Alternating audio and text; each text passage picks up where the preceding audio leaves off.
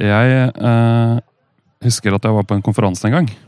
Eh, og så eh, møtte Nei, ja, jeg møtte han. Simon Peton Jones, Mhm. han som lager Haskell. Mm. Han så på Haskell litt som sånn derre Å jobbe i et sånt, Han hadde et sånt drivhus i hagen med noen -hmm. sånne planter som han vanna litt og klipte litt. og Mhm. holdt på med og koste seg med. Og, fordi Haskell er jo, et- han er jo en akademiker. ikke sant? Mhm. Alle som lager Haskell, er akademikere. Mhm. Det er liksom et akademisk prosjekt. Jeg mener at når han sa det, så tenkte jeg på deg, Magnar. Yes. Fordi eh, du har jo et sånt prosjekt, tenker jeg. Ja. ja, det stemmer. Eh, ja, eh, som heter Adventur. Mm. Jeg veit ikke helt hvor jeg skal liksom begynne. Det Jeg kan bare si at det jeg har lyst til, er at du forteller jo om adventur Mhm. i ny og ne, i sosiale settinger. Stemmer. Og så eh, vil jeg at du skal kunne si og forresten, hvis du vil høre alt om adventur, så kan du høre på denne podcast-episoden og, og så referere hit. Jeg skjønner. Uh, for jeg, jeg har sånn her, eh, Dette må liksom dokumenteres, føler jeg. Det prosjektet ditt. Adventurprosjektet. Ja. uh, i, liksom, I alle detaljer. Så grumsete de bare vil. altså Kjør på, liksom. Nettopp. Skjønner. Uh, så vi, vi kan jo bare starte et sted Mm. med å du bare forteller hva adventur er for noe. Ja, det kan jeg godt gjøre. Um, det som Adventur er, er jo mitt eh, livslange prosjekt om å lage et norsk teksteventyr. Ja. Og det var ikke sånn at jeg hadde sett for meg at det skulle bli liksom min legacy, eh, for å si det sånn. Men jeg bare ramla litt inn i det. Um, når jeg var tolv år og satt på min Amiga 1200, så lagde jeg eh, et eh, Så hadde leste jeg Konan-blader. Og de Konan-historiene var veldig spennende. Eh, Og da skrev jeg en sånn Konan-historie med if og goto i, eh, i basicen min, da. Amos. Og det som jeg oppdaget veldig fort, det var at den, den koden ble helt umulig. Det var masse printlines, og if og go-to, og så en sånn input-greie hvor du valgte alternativer. Så det å skrive den historien, det ble aldri noe av. Så dermed så kom jeg på at det gikk an å lage en editor. Ikke sant? Um, Og dette er fortsatt tolv år gamle Magnar. det er tolv år gammel, ja. Så jeg, det som jeg gjorde isteden, var at uh, jeg starta liksom med å lage en liten editor, hvor man da uh, Som bare visste til tekst og alternativer. Og når du på en måte fikk uh, Gikk til da som det som var side null, så var det ingenting der. Men da, da fikk du liksom en editor opp, hvor du kunne redigere og skrive den første teksten. Og så når du var ferdig med å skrive teksten, så fikk du skrive alternativer. Og når du var ferdig med å skrive alternativer, så fikk du liksom spille derfra. Og så skrev jeg bare noe fjas eh, der, og så skrev jeg noen Skrev jeg den Konan-historien som jeg hadde liksom drømt om å skrive. Det var tolv år. Og den editoren, den het Adventure Deluxe. Ikke sant? Men eh, det er bare så mange eh, piksler i et eh, Amiga-ikon.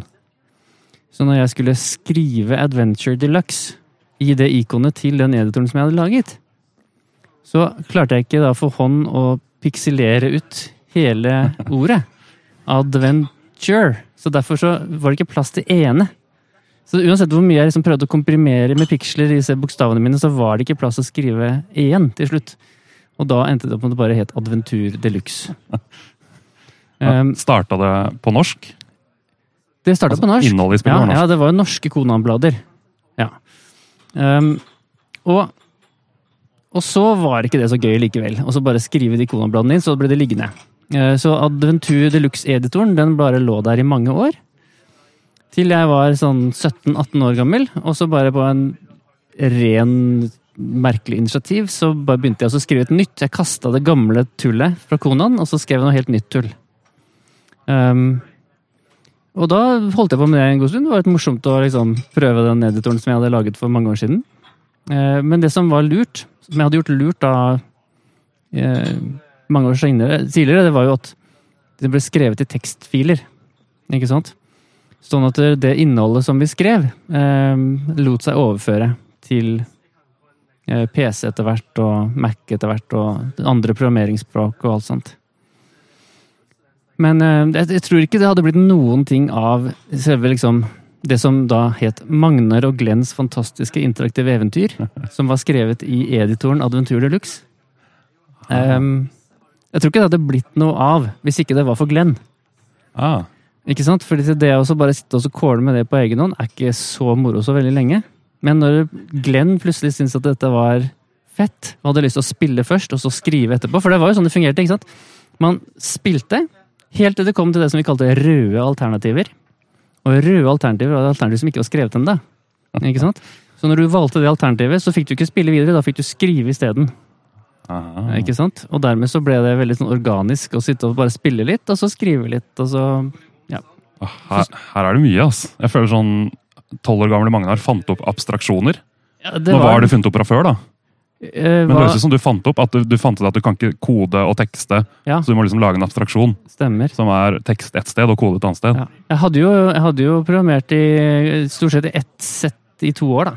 Når jeg var tolv. Ikke sant? For jeg satt jo og skoda først basic på Commodore 64, og så litt assembly på Commodore 64. Da var jeg jo ti. Og så bytta jeg til Amiga, og da bytta jeg ikke til Assembly igjen. Det skulle jeg gjort hvis jeg skulle vært en ordentlig kul sånn demoscener. Men eh, da ble det Amos, da. For det var liksom bra nok for mine formål. Ja.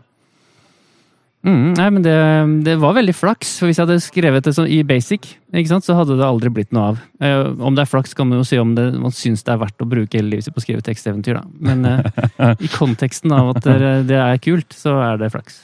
Ja, altså har du også funnet opp Wiki, da, hørte jeg. Wikipedia funker jo nøyaktig sånn som du beskriver.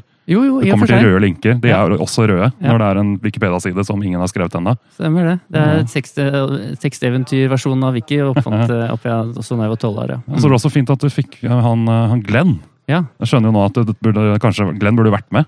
ja, det kan du si. Eh, For jeg Mhm. tenker jo på dette som Magnars prosjekt. Ja, Eh, og Og de, hvis du ser på arbeidsmengden totalt, så er det vel kanskje da er det absolutt mitt prosjekt, for det er jeg som gjør alt det tekniske, i hvert fall. Eh, Så, så Glenn har jo på en måte slutta for noen år siden eh, med å skrive, og han, jeg har gjort alt det tekniske. Så det er Ja. mitt prosjekt på veldig mange måter, og særlig nå.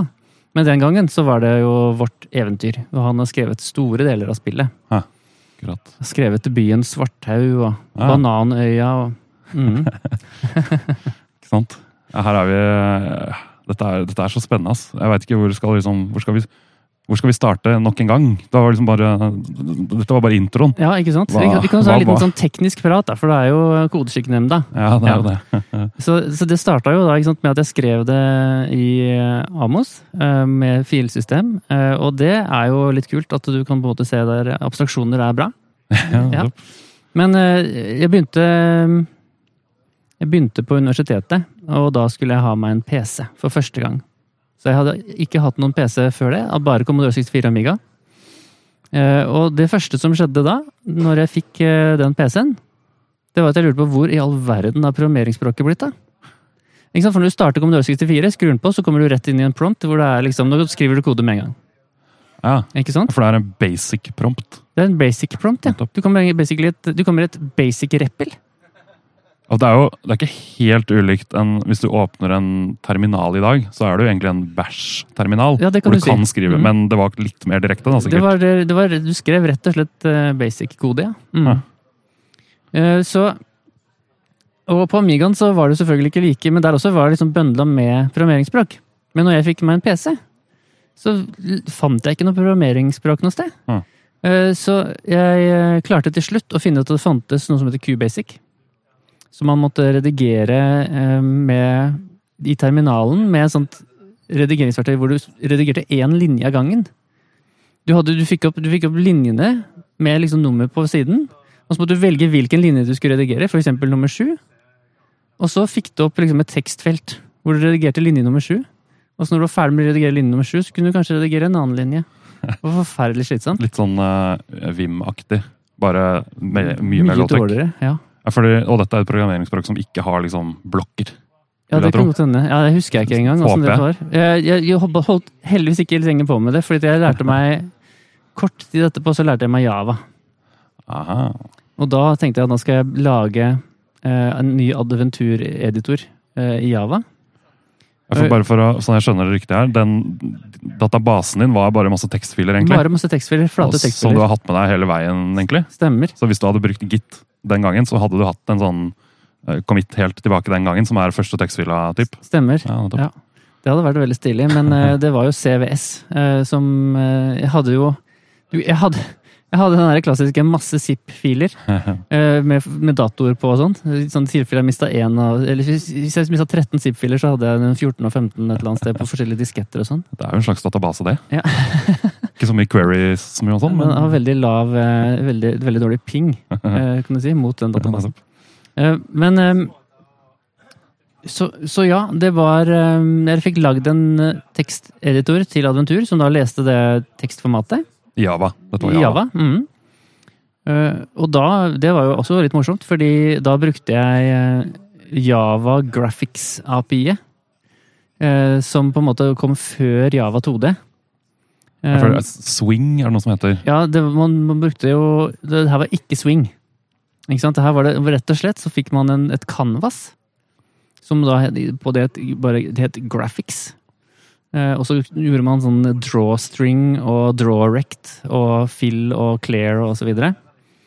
Så um, da brukte jeg et klassisk Commodore 64 og skråstrek Amiga-triks som var dobbeltbuffering.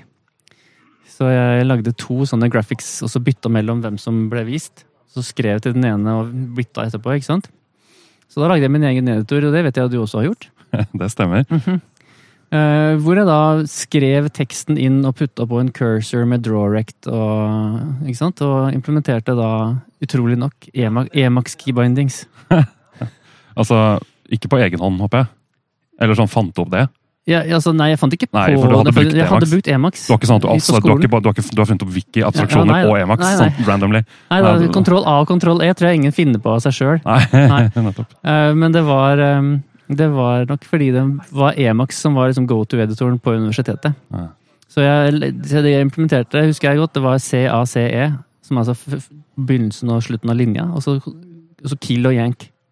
Ja, så dem var i hvert fall ja. Emax, kom- Emacs keybindings. Kan du, for det, nå må jeg innrømme at nå ser jeg for meg en editor hvor liksom pikslene er ti piksler store, hvis du skjønner. Mhm. Så ser det ut som sånn piksel, pikselert Commodore-skrift. Kan du beskrive litt hvordan så den Java-editoren ut?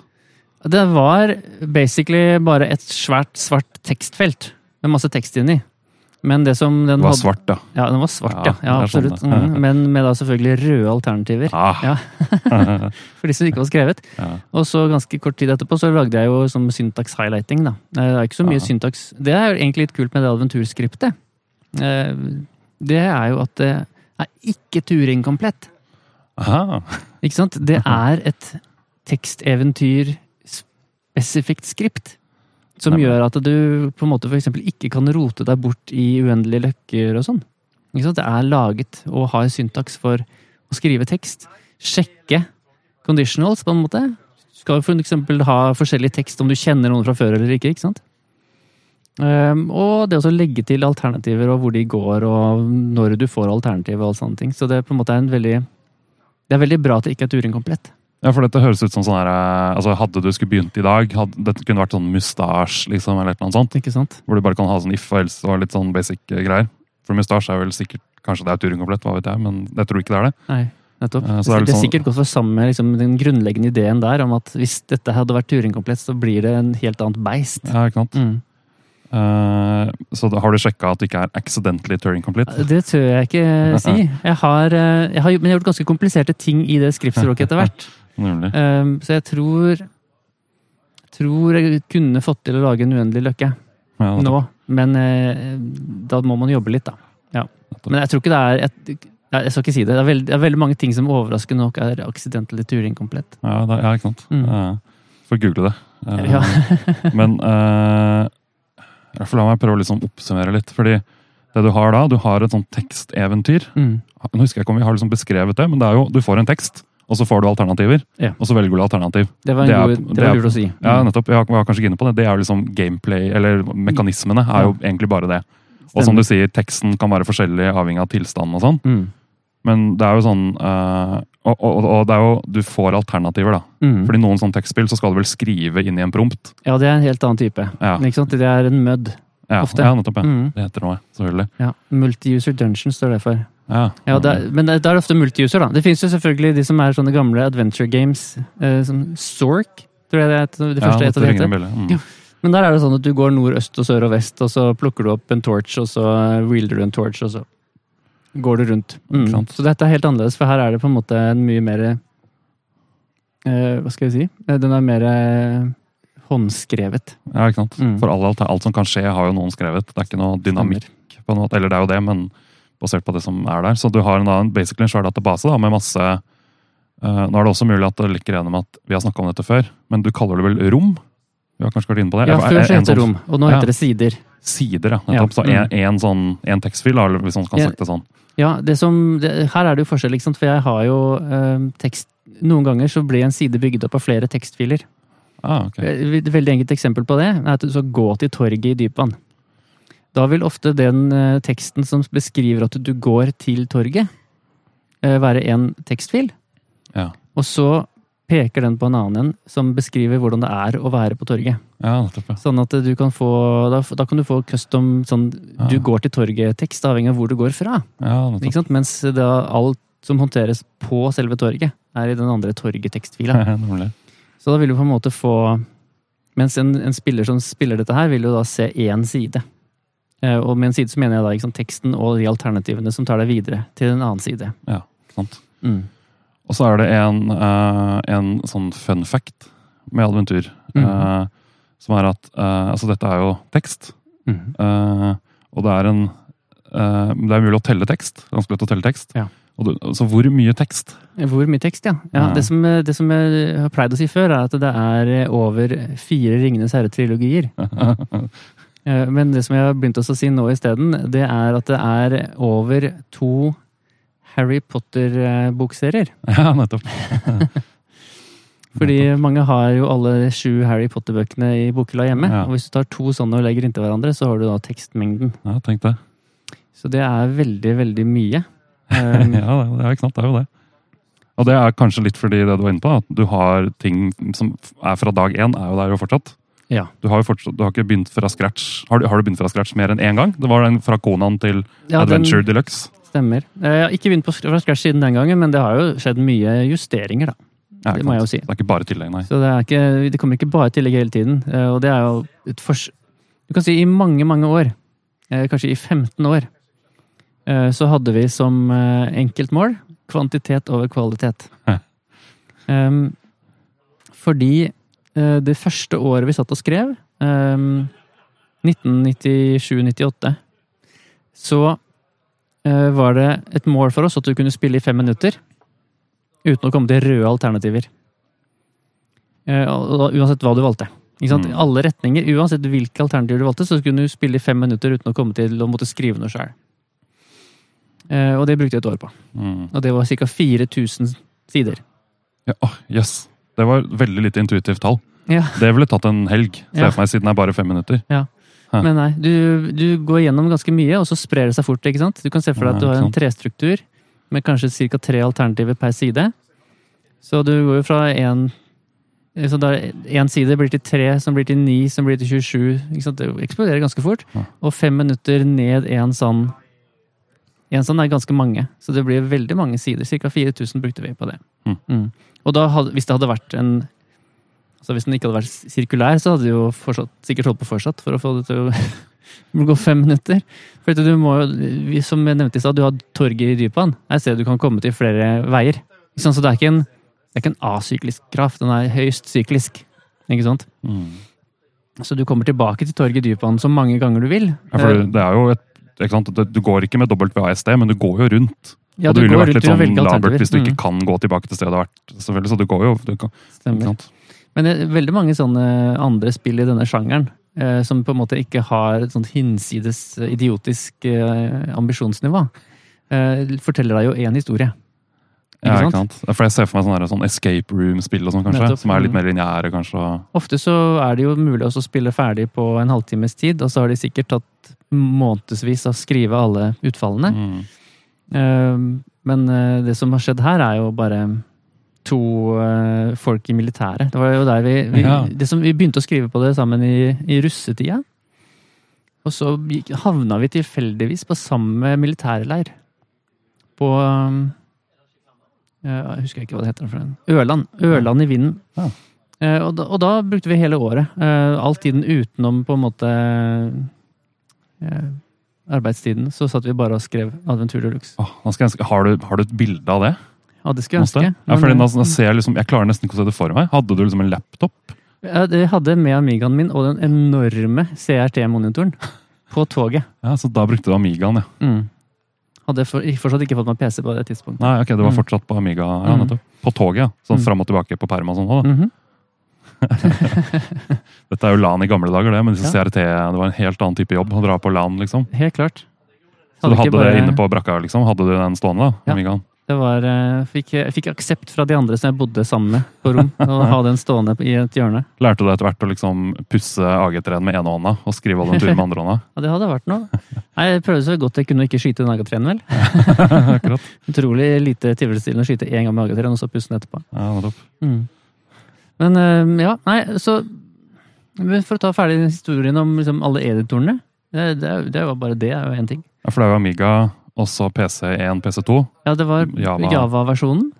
og så eh, lagde jeg en i Groovy.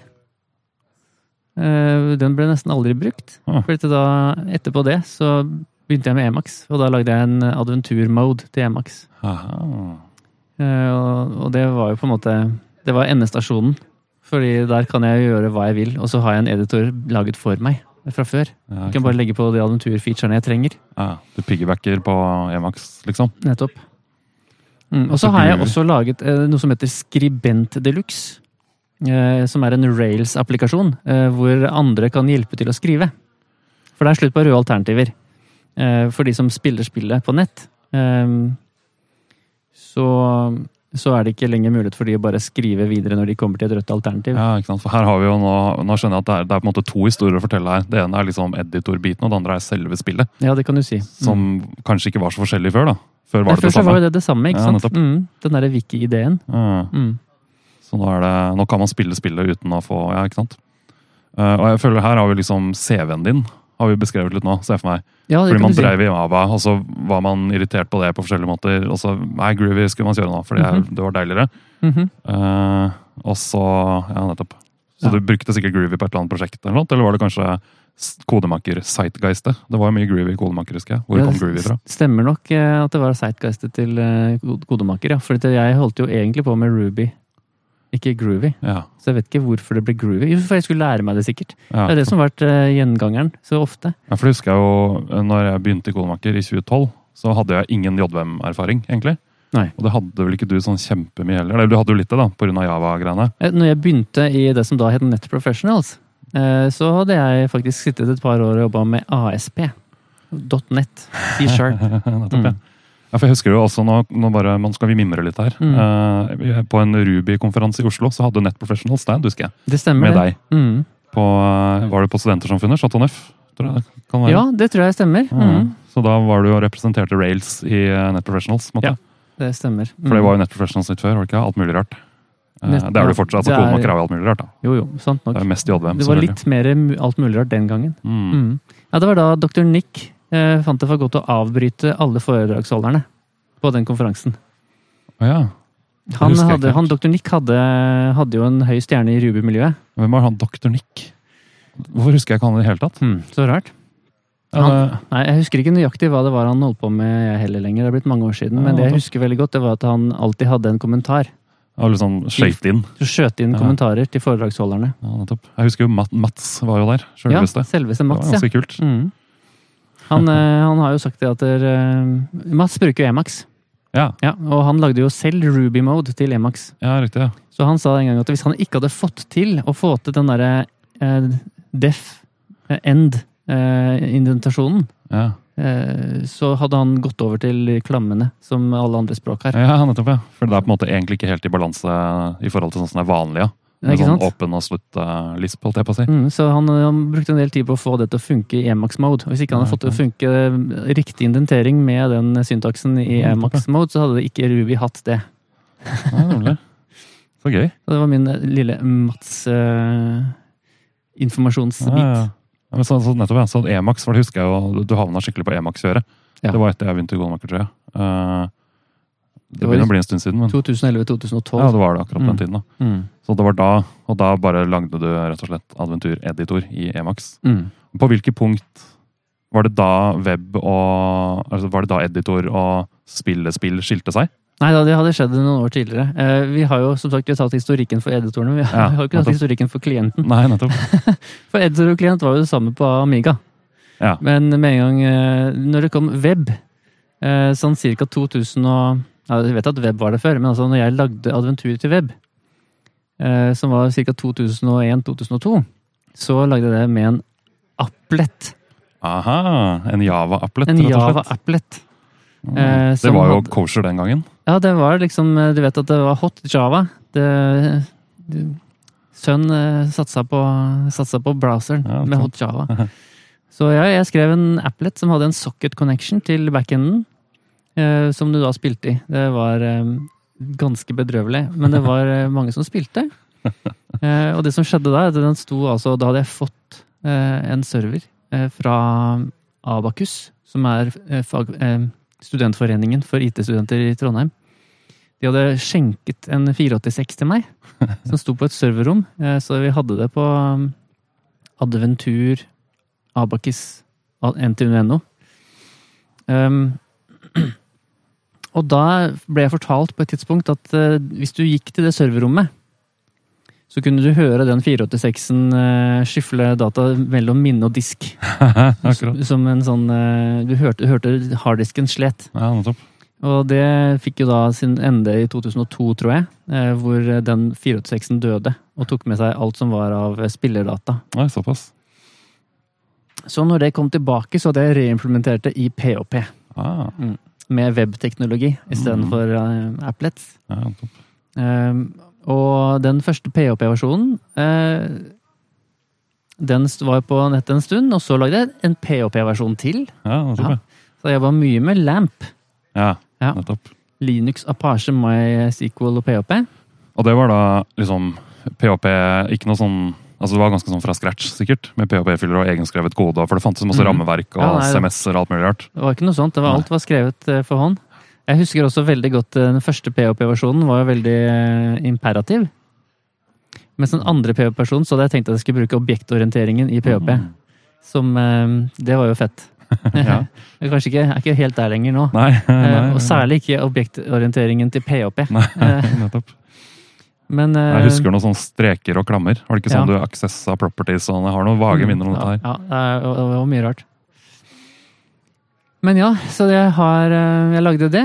eh, Og så eh, Cirka 2000 og hva kan det, Jeg husker ikke årstallene lenger, jeg. 2003? Nei, jeg husker ikke lenger. Eh, Det, er for, det, blir, for det er blitt for mange år. Ja, Vi tar på denne podkasten i grevens tid, skjønner jeg. Ja. Siden vi skal dokumentere alt om adventur. Så får det bli litt fussy noe her, men Ja. eh, sånn får vi få leve med. Det har Ja. forsvunnet i tidens uh... Jeg tror jeg kunne ha funnet ut av eh, årstallene, men i hvert fall Det som skjedde, var at jeg betalte i dyre dommer for en dedikert server for adventur. ja. Men jeg holdt ikke noe særlig på med det lenger. Og det var ikke så mange som spilte lenger. Så på et tidspunkt så sa jeg screw it, jeg gidder ikke mer. Jeg gidder ikke betale jeg tror det var 500 kroner i måneden eller noe sånt, ja. som jeg betalte personlig for at adventur skulle være på lufta. Mm. Og det var kanskje to-tre som spilte om dagen, da. Ikke sant? Det var ikke verdt det. Mm. Så da bare la jeg det ned. Og så gikk det mange år, fem år eller noe sånt. Eh, og da oppdaget jeg at det var noen som hadde laget Adventur 2. Yes. Det var eh, noen tidligere ivrige spillere som hadde rett og slett laget Adventur 2 eh, og lagt ut på nett. Ja. Og da tenkte jeg søren, det hadde egentlig vært litt gøy å gjøre igjen. Så da begynte jeg, og da var jeg jo fullt i sving på closure- closure-kjøret. Og da tenkte jeg nå har jeg muligheten til å, til å gjøre dette bra. Og da lagde jeg alt. Det var da jeg både lagde Emax-klienten og den nye closure-baserte backenden. da. Lisp Orama. Alt på en gang. Alt er Lisp. Er det første gang du har lagd backend og frontend på nytt i synk? Det var et godt spørsmål. Kan godt hende. Og så må jeg bare spørre om én ting. Du sa at nå tenkte du nå skal jeg gjøre dette ordentlig. Ja. Så tenkte du ikke det de forrige gangene, altså? Nei, men, Nei, er det sant? Nei, men det er nok sant. For til de forrige gangene så har jeg jo bare holdt på med det. Altså, Ja, det har sånn, bare vært kos. Ja, nettopp, ja. Eh, Og det er, jo, det er jo sånn de meste bra ting blir laget. Ja, Men det, når, nå hadde jeg på en måte en idé om hva jeg ville. ja. Eh, Og, og det på en måte den store tingen jeg ville, det var å komme bort ifra save-scumming. Jaha. Vet du hva save-scumming er, August? I konteksten spill Mm. så vil jeg tippe det har noe med det som jeg gjør hele tiden når jeg spiller Half-Life, Mm. som er å quicksave, Mm. og så quickloade. Stemmer. Sånn at, uh, sånn at liksom feil ikke har så mye å si lenger. Stemmer. Har det, er det, ja, det er Det det. er, det er presis det det er. Ja. Save-scumming er når du lagrer før hver eneste viktige avgjørelse, Ja. og så kan du da alltid loade tilbake. Um, og i Adventur så var det den optimale måten å spille. For du kunne lagre når du ville? Du kunne lagre på torg, så det var enda verre enn det, fordi folk lagret når de var på et torg. Og så spilte de gjennom et helt eventyr, og så hadde de det gøy den første gangen. Men istedenfor å på en måte ta til takke med å ha hatt det gøy den første gangen, så loadet de og spilte gjennom på nytt for å lete etter hemmeligheter. Ah. Og så på nytt, og så på nytt, og så på nytt. For å utforske hele grafen. Ikke sant? Og på et eller annet tidspunkt her, ganske tidlig i denne prosessen, så er ikke det eventyret spesielt spennende lenger. Så rart. At, ja, altså, det er liksom spilleren er sin egen verste fiende, da? Litt Og det er det jo. Altså, Det ser man jo i alle andre spill også. Ja. Fordi det- spillere vil ikke velge den delen som er mest gøy, men den delen som er mest optimal. Ja, ikke sant? Og i Adventur sin kontekst så var det mest optimale var å grinde gjennom på nytt og på nytt og på nytt til å funne ut alle hemmelighetene som kunne være der. Og det er, var ikke gøy for spilleren. Mm. Um, og hvis du ikke gjorde det, så hadde du liksom ikke sjans. Hvis du Mm. skjønner. Ja, ja. Og hva er sjans? Jo, du, du hadde jo på en måte allerede ofret det at det var gøy å spille. ja. Fordi du hadde lyst til å være på toppen av en sånn rangeringsliste. da, ikke sant? Hvem har fått mest penger, eller hvem har oppdaget flest hemmeligheter? ikke sant? Mm. Så jeg ville bort fra savescumming, og da kommer vi til det som heter tidshopp. nettopp. Hvor det ikke lenger er noe lagring i spillet. Du kan ikke lagre noen gang, og da, hva skjer når du dør da? Jo, da er du død. Det er jo det som er modellen i uh, Ja, jeg Roguelites, skulle ikke sant? si det ordet selv, ja. ja. Eh, og, og da må på en måte spillet være Det er veldig godt egnet for et spill som har en veldig spennende og morsom eh, core game loop. Ikke sant? Hvis det er veldig gøy å spille liksom, f.eks. Slay the Spire, da, eller eh, et skytespill, eller sånn, så kan du jo, når du er død, så bare begynner du på nytt, fordi det er det som er gøy, er å spille spillet. Mm. Eh, spille den core game loopen. Mens i tur, så er jo det som er gøy, er å lese de spennende historiene og de rare tingene som skjer. Og det er ikke gøy å gjøre 17-18 ganger fra begynnelsen. Så derfor så ble det i den versjonen så endret jeg på en måte et grunnleggende element i spillet. Fra at du bare var en fyr som savet på torg, til at du spilte Og da også la jeg inn gjøre en kjempejobb med å gjøre sånn som man kunne spille flere, både kvinner og menn.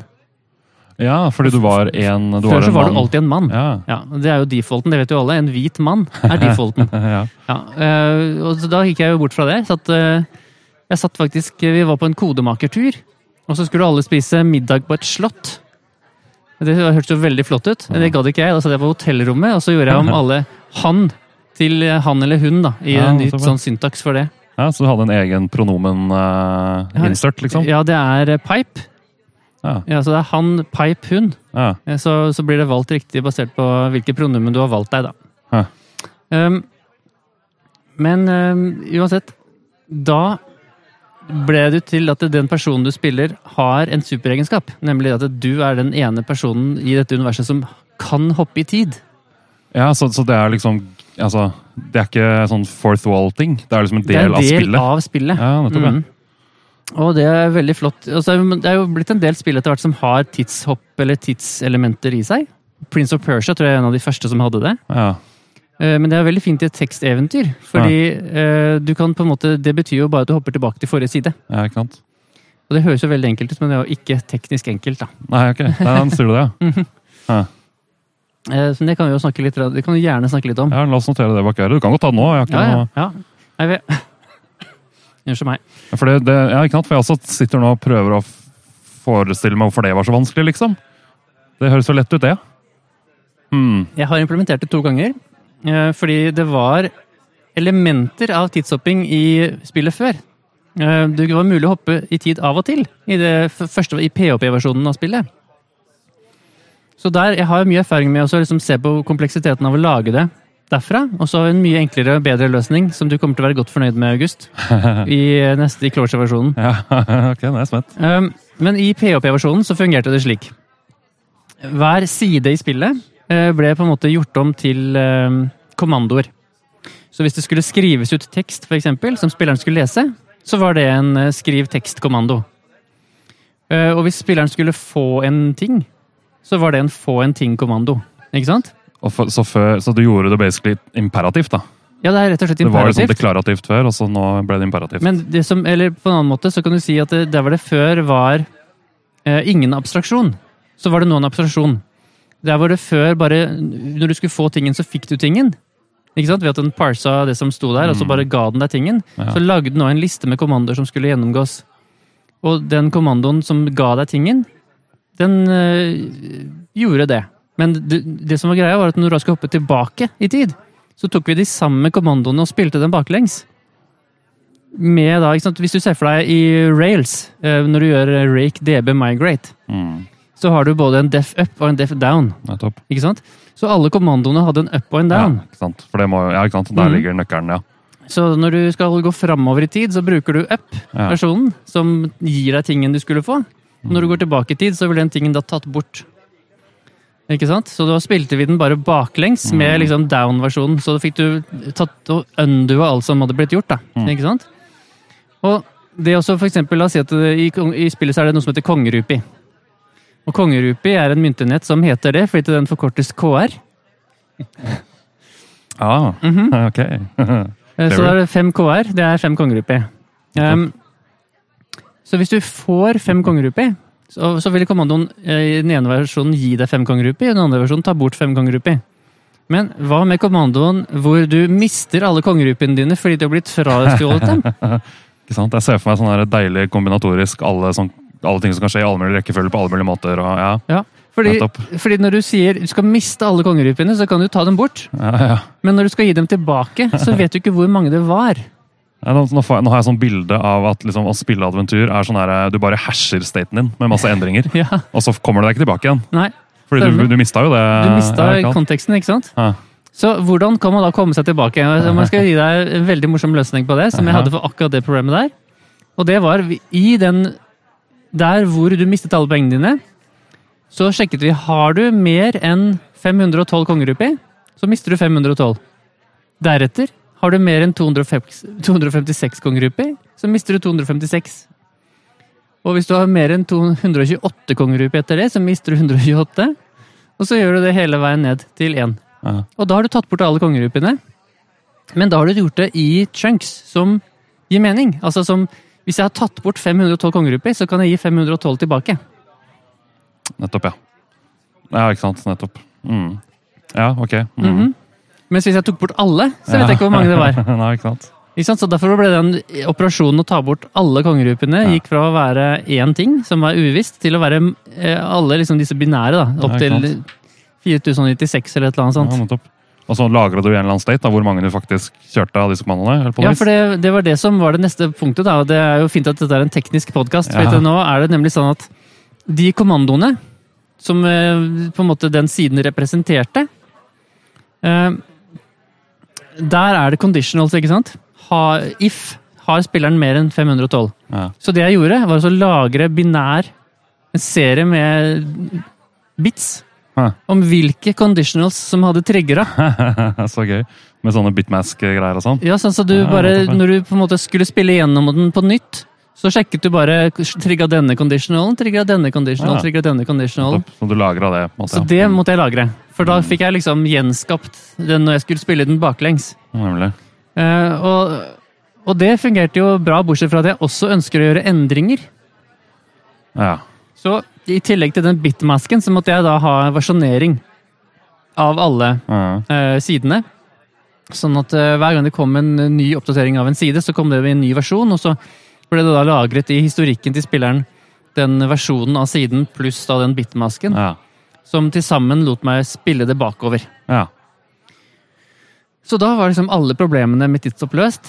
Um, Jeg syns kroppsspråket ditt eh, skinner litt gjennom at det ikke stemmer helt, eller? ja, fordi jeg, det, var, det, det var så mange elementer etter hvert som på en måte Det som, det som jeg endte opp med å gjøre, da, det var også å skrive inn i spillet at eh, dette med tidshopp var litt mystisk og uvisst, og av og til så vil det skje rare ting. Ja. Og det var jo ikke fordi det skulle være Ja, mystisk og uvisst. nettopp, ja. Det var bare fordi det teknisk sett ikke klarte å få nettopp, en helt, helt sånn bunnsolid tidshoppimplementasjon. Så. Så, um, så ja. Ikke sant? Det ble ikke, det ble ikke helt topp. Det er veldig kjekt når man bare kan finne opp sitt eget univers. Det er veldig ålreit. Mm. Så det, den gangen så var det sånn, ja, du kan hoppe i tid, og hvis det skjer noe rart, så er ikke det Det er fordi at det er kult, liksom. Det er mystisk. Kult. Mm. Men så kan vi da komme til eh, når jeg da skulle gjøre det skikkelig. Ja. Så ble det gjort med Datomic, Å, ja, ja, ja. ikke sant? Databasen med stor D. Det er databasen med stor D. Um, fordi i Datomic så er jo alle endringer uh, er, Du kaster ikke data, Nei, ikke sant? du de modellerer tid i Datomic. Du du modellerer rett og slett tid. Vi passer oss for at vi ikke bare sitter og sånn evangeliser-looper hverandre her. Ja, Fordi vi er glad i Datomic begge to. absolutt. Mm. Det er jo også en god grunn til, da. Ja. Eh, Men eh, det som er morsomt med Datomic, er jo og Adventur, er jo da hvor utrolig bra det passet med tidshopp-ideen min. Mm. Fordi ettersom man på en måte bare mm, tilfører nye, nye fakta til Datomic, og aldri tar bort noe gammelt Mm. eh, s, Altså, vi må, må, må kanskje si et par ord om det? Eller alle lytterne til eh, denne podkasten kjenner godt til hvordan det fungerer? Nei, Vi kan jo bare anta at ingen har brukt Datomic som hører på dette. Ja, ok. Så det, vi, det som skjer i Datomic, er at man skriver Hvis en person endrer adressen sin, så skriver man den nye adressen til den personen, men man tar ikke bort den gamle. Men når du da skal se på dataene i databasen, sånn normalt under normal drift, så vil du bare få den nyeste. Eh, Så du, du har på en måte materialized views, da. Ikke sant? Hvor, du, hvor Datomic likeholder de viewsene av den mest eh, nyeste informasjonen for deg. De kaller det vel bare indeksen. Ja. Ja, ikke sant? Men eh, du har altså da alle tidligere versjoner av data ligger også der, med et tidsstempel på. Eh, sånn at eh, hvis du vil, så kan du ganske enkelt eh, filtrere bort nye versjoner av fakta fra databasen. Og få et view som forteller deg hvordan databasen så ut på et tidligere tidspunkt. Nettopp. Så det som jeg nå gjør, istedenfor å lage en sånn up og down migreringspass som var litt flimsy, så ber jeg nå bare Datomic å fortelle meg hvordan så spilleren ut på det tidspunktet som de ønsker å hoppe tilbake til. Mm. For det ligger bare der, det. For det ligger bare der. Ikke sant? Um, og så var det liksom ferdig. Ja, For da vet du i hvert fall det. Ja. Så klart Du må jo da skal... finne ut hva må du skrive til databasen for å komme For dit. å komme tilbake dit, ikke sant? Ja. Så det så er, måte, det er det eneste problemet du må løse. på en måte. Stemmer. Nettopp. Så det gjør en diff mellom liksom spilleren slik den er nå, og spilleren slik som den var da. Og så får jeg en endringssett som jeg da gjennomfører for å ta spilleren der hvor den skulle være. Men da, Er ikke det et open source-prosjekt? Jo. Tommy Gdiff, et eller annet? Du... Jo, Differ er Men det er, det er noe annet, Ah, okay. faktisk. Ah, nei. Mm. nettopp. Da, dette her er eh, Dette her skrev jeg jo i 2013. Og den gangen så trodde jeg at det var veldig viktig å eh, ikke få en smak av databasen i resten av programmet. Ja, nettopp, ja. Det, skulle, det, det som var så viktig den gangen, men jeg husker, var at man skulle kunne bytte så lett mellom eh, MySQL og Postgres Mm. og Ja. Oracle-databaser. Det hadde ikke noe med appen din å gjøre, det. Nei, det hadde jo ikke noe med appen å gjøre. Så derfor så var det veldig viktig å abstrahere seg bort fra sånne ting. Eh, Og den, den ideen hadde jeg tatt med meg, da. Så jeg lagde faktisk to implementasjoner av eh, storagen til Adventur. Mm. For å tvinge meg selv til å ikke la det lekke detaljer om Datomic inn i selve kodebasen. Du har en sånn in memory, sikkert? da, et eller annet. Så jeg lagde en, eh, rett og slett et atom, da. Eller altså en in-memory store i, i, Closure. Og så implementerte jeg liksom alle samme API to ganger. Mm. En gang for Datomic og en gang for den, det atomet.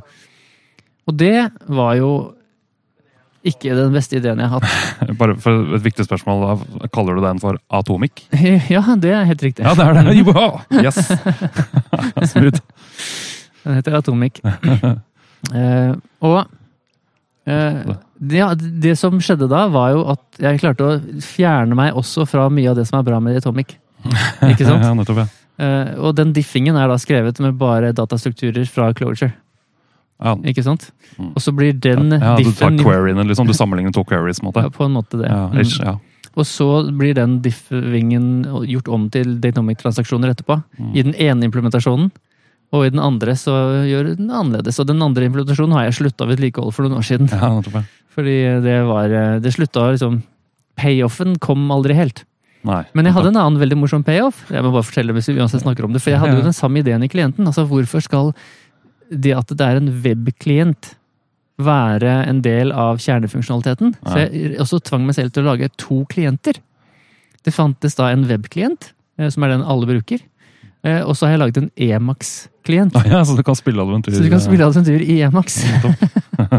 Og dette er jo da for å kunne eh, det var, det var da ikke sant, at det skulle ikke være noe HTML som kom ut av, eh, ut av liksom kjernefunksjonaliteten til Ja. adventyr. Det var, det var ikke, hvorfor skulle den det? Så det som kommer Mm. ut, for eksempel, la oss si at det skal være bold tekst, da. Ja. Ikke sant? Så kommer det ut stjerne på hver side av ordet. Og så blir det gjort om til HTML i HTML-klienten, og så blir det gjort om til ikke noe spesielt i Emacs. Da blir det- står det med stjerne, eksempel. Mm. Mm. Mm. Det, er jeg har å, det er et sånt ord som er morsomt, som heter sånn anti-corrupation layer. Anti, yeah, Det kan du ofte se på det som anti-corruption layer. Ja. Mm. Uh, så spørsmålet er jo om uh, Datomic er noe som du vil liksom, Hvis Datomic hadde vært vondt og ekkelt, så vil du jo ha et sånt anti-corruption layer. Stemmer. Eh, Du vil abstrahere bort ting som du på en måte ikke føler er en vesentlig del av det du holder på med. Men uh, Datomic er jo på en måte Hva skal jeg si? Den gir deg så mange gode tool, tools. da. Nå, Vi skal ikke sitte og bare liksom godprate Datomic her. Men uh, det å ikke ha direkte tilgang til dem i kodebasen min, er jo Det var ikke så lurt, da. nei, det, ja, ikke sant. Det gir jo mening, det. Jeg har jo basically Så sender jeg jo rundt en database i Ja. all Datomic-koden min. Og det burde vi jo egentlig prate litt om. Vi burde Ja. prate om uh, functional eh, core imperative shell og Datomic-databaser. Ja. La oss bare ta det. Skal vi gjøre det? Ja. Ok, for det var jo en, altså, La meg bare starte med det. da. Adventur har gjennom alle år vært et sånt Nå skal jeg lære meg noe nytt, la meg lage et eller annet i Adventur. Uh, og det som jeg hadde lyst til å lære meg her, det var Closure og Datomic. Og så hadde jeg lyst til å utforske noe som jeg hadde hørt noen prate om så vidt. Som var Functional Core Imperative Shell Design pattern, det. som er et design pattern. Eh, la oss snakke eh, Altså, ok. Det som jeg ser på som en klassisk arkitektur, eh, særlig i sånne rails og veldig mye som var inspirert i den tiden der, det var at man øverst hadde klienten, som gjorde HTTP-requester til en kontroller via noe routing. Og så hadde den kontrolleren, den sydde liksom allting sammen via å gå til et slags eh, modell eller businesslag. Og så var, ofte det, så var det businesslaget bygget på toppen av en database. Det kunne være Hibernate, det kunne være Active Record. Og ehm, modellen på en måte rappa databasen din. Ikke sant? I Active Record så er det én-til-én mellom tabeller og, og domeneobjekter. Mens i Hibernate så har du en enda mer eh, klossete tilnærming til akkurat det problemet. Mm. Um, og den modellen der, ikke sant? controller, businesslag, database i bånn, da har du på en måte bygget alt på et veldig sånn ustødig grunnlag. Eh, hvis du på en måte tenker funksjonell programmering, pure functions, datadrevet. Fordi databasen din er en prosess. En levende prosess, ofte på en annen maskin, så det går over nettverk. Altså det er hele som, den, den modellen sørger jo for at hele Alt du holder på med, er veldig prosessbasert. Um, og det som er ideen bak Functional Core Imperative Shell, det er at du har business-logikken din for seg, og databasen på siden. Um, sånn at når du får Du vil jo fortsatt ha en klient, som oftest, og så kommer det noen HTTP-requester inn. For å bare ta det eksempelet. Det kan selvfølgelig brukes på mye mer. Men når du da kommer til la oss si det som er kontrolleren, istedenfor at den går rett i modellen, og så går modellen til databasen, så vil kontrolleren hente ut relevant data fra databasen, og så sende den relevante informasjonen til en pure, funksjonell businesslag. Som ikke lenger har noe eh, database connection, men som bare får de dataene den trenger til å gjennomføre eh, de operasjonene som den vil. Og vesentlig med en sånn function Altså det, det, gjør jo da til den functional coren til en stor pure function. I den formen at den heller ikke gjør noen ting. Den går ikke ut i databasen og henter sine egne data, eh, men den oppdaterer heller ikke databasen. Den sender ingen mail. Eh, det som den gjør, er at den returnerer hva den ønsker gjort. Nettopp. Sånn at eh, når du kaller den funksjonen, så, får du ikke, så, så, skjer det ingenting, annet enn at du får tilbake en, ofte en liste med ønsker.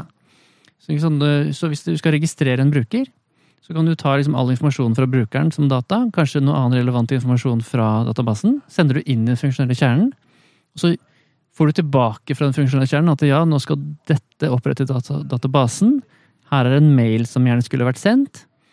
Og så er det noen i den imperative skallet som tar de listene med ting som skal gjøres, og gjennomfører de. Så det var det jeg hadde ønsket, det hadde jeg lyst til å prøve. Åssen funker det her sånn i praksis, når jeg skrev adventur, nye adventurer? Ja, For dette var nytt, liksom? Aldri det var det, aldri prøvd før. Aldri, nesten ikke hørt om noen snakke om. Så jeg har lyst til å bare liksom, se åssen funker dette i praksis. Og for å ta spoileren på forhånd, så kan bare si at det er fantastisk. Ja. Så jeg har blitt en, eh, en, eh, Jeg snakker det opp så mye jeg kan. Men jeg kan jo bare Det som er morsomt der, sant, det er det er at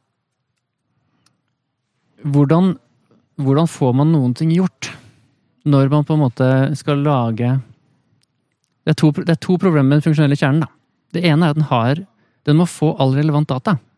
La oss ta det først. Den må få all relevant data. Hva er relevant? Hvordan vet du det? Ja. Uh, svaret er jo at det kan være alt. Antagelig så må du sende hele verden inn til den funksjonen for at det skal være relevant du vet jo Du vet jo ikke på en måte nødvendigvis hva som er interessant. Du kan ikke gjøre liksom bare én sequel query, og så er det som Det blir veldig begrensa, da. Så det som jeg hadde som tilnærming i starten, det var at man tok flere dykk. Flere dykk ned i den funksjonelle kjernen, i den formen at det fantes en I kontrolleren så liksom starta den med at nå skal okay, skal jeg ha en ny bruker. Da vet jeg at jeg trenger denne informasjonen. Og så går jeg ned i funksjonelle kjernen, og så får jeg ut igjen ikke en liste med ting som skal gjøres, men på en måte en request om mer informasjon. Mm. Og så går du ned igjen, og så går du opp igjen, og så går du ned igjen og opp igjen. Så det er ikke bare ett steg? Det ble ikke, det ble ikke bare ett steg. for du, Etter at du har funnet ut hvilken du skal registrere, så kanskje du finner ut av det med også få tak i e-mail-templeten, eller hvem vet. ikke sant? Så hvor du henter det, og så går du ned igjen, og så opp igjen. For at du skal slippe å håndtere alle potensielle data den skal hente ut, og gjøre systemet treigt og sånn. Nettopp. Så deler man det opp litt. Så deler man det opp litt. Um, så uh, det var på en måte løsningen min på å få til en funksjonell kjerne, men den er litt litt skuffende, for du har liksom lyst til at eh, det skal være så det, blir vanskelig å lese koden. da. Du får mindre sånne småbolker. Det blir ikke en sånn mm. svær funksjonell kjerne, men det blir sånne små bolker. Men uh, problemet da er jo at uh, en database er jo bare sånn her evig bevegelig ting. Så dette er jo et uløselig problem, dette, herr Sveen. Ja, det, alle lytterne tror jeg hørte en viss uh, sarkasme i det utsagnet. For det er der vi, Datomic kom inn. Aha. Og det tok meg jo faktisk ganske lang tid å skjønne. For det å forstå på en måte hele value proposition til Datomic kan ta litt lang tid. Det var et ordspill. Ja, det var det. Um, fordi databasen i Datomic er en value. Eh, I den form at det er ikke Det er konseptuelt sett en value. I den form at eh, Og nå, nå, snakker vi forbi så mange mennesker, for de aller fleste tenker på databasen som en server som står og er en prosess.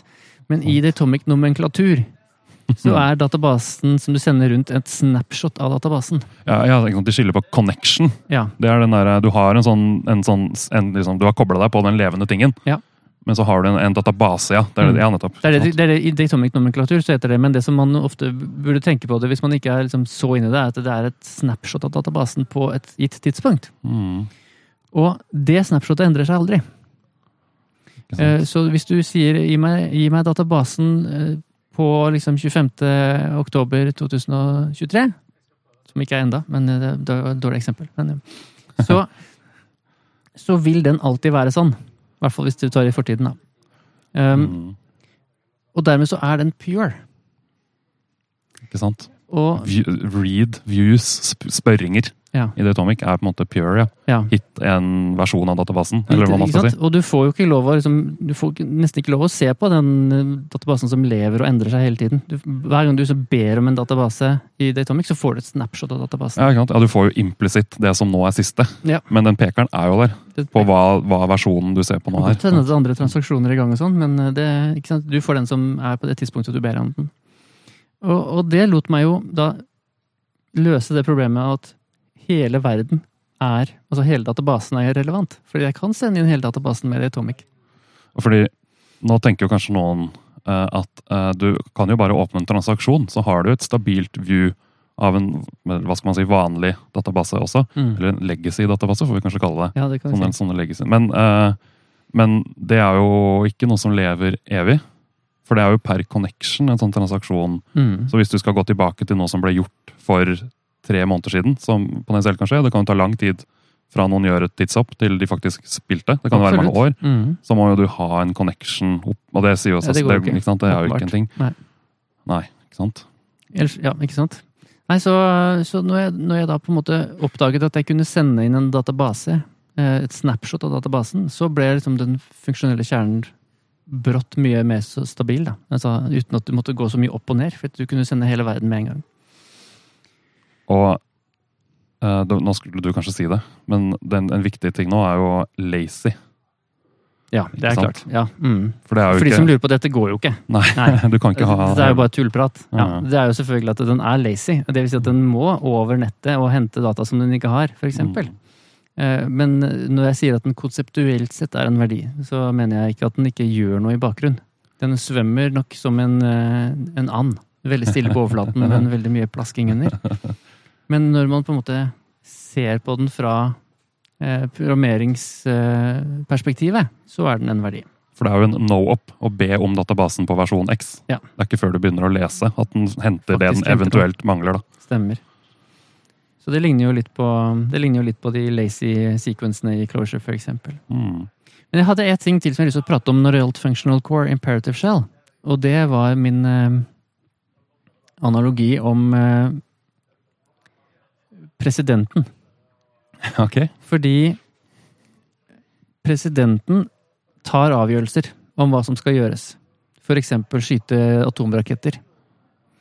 Men presidenten skyter ikke atomraketter. Så det som er businesslogikken i applikasjonen din, kan på en måte bestemme hva som skal gjøres, men ikke være den som gjennomfører. Ikke sant? Så hvis du, hvis, du, hvis du på en måte skal ta en veldig viktig avgjørelse, eh, om det skal være sending av eh, atomraketter, eller om det skal være å sende en mail til kundene dine, så kan du på en måte ha Så er den funksjonelle kjernen det er presidenten og dens stab. Mm. Og så får de all relevant informasjon på bordet. Og så setter de seg inn og gjør masse logisk eh, businesslogikk rundt all den informasjonen de har fått. Og så kommer de ut igjen med en liste med ting som skal gjennomføres. Ja. Ja, det er jo sånn det funker. Det er jo sånn det funker. en ordre er jo ikke gjennomføringen av den. Nettopp. De har skilt på det. Så, så dermed så, Du kan tenke på den funksjonelle kjernen din som det. Ikke sant? Som den som får den informasjonen de trenger, og bestemmer hva som skal gjøres, og så kommer de tilbake med hva som skal gjøres. Ja. Og så er det noen andre som gjennomfører. Det er det imperative skallet. Ikke sant? Det er jo til og med ikke alltid det blir gjennomført. Hva, hva vet den? Ja. Men eh, det, for eksempel så kan det hende at dette bare er en øvelse. Ikke sant? Å, ja! Eller, eller en test, da. ja! Ikke sant? Ja, ja, det var det. For, da kan du jo sende inn data til den funksjonelle kjernen, og så får du ut beskjed om at nå skal vi sende atomraketter, men vi sender dem jo ikke. Vi trenger ikke mokke noe ut for å hindre at det skal skje. Ja, ikke sant? Er ja, du blingser ikke til å sende en atomrakett. Nei. Eller en e-post til Ja, kunden. fordi du glemte å mokke, liksom. Så, Ja. ja. mm. Så ikke sant, I vår hverdag heldigvis, så er det ikke så mye atomraketter, men det er jo en god del e-poster som går til folk som ikke skulle hatt dem. Så hvis du Mm. på en måte har under businesslaget ditt, kaller en eller annen HTTP-request til mailguns, så det sendes en mail, så er det alltid fare for at det går gærent. Da må du passe på liksom, ja, du, må liksom du må legge en sånn unfucking, på en måte? Eller, Ja, eller mocking, ja, altså, du, da, må, du må mokke, eller du må ha noe config, eller et eller annet sted, så går det så av og til galt. ja? Mens hvis du på en måte sier at den businesslogikken om hvilke mail som skal sendes, og hva som skal stå i de, og alt det der altså de, de kan jo komme med veldig fine, ferdige pakker. Du kan jo bare si kommandoen er 'send denne mailen'. Så er det altså subject og to og from og body og alt det der er jo ferdig.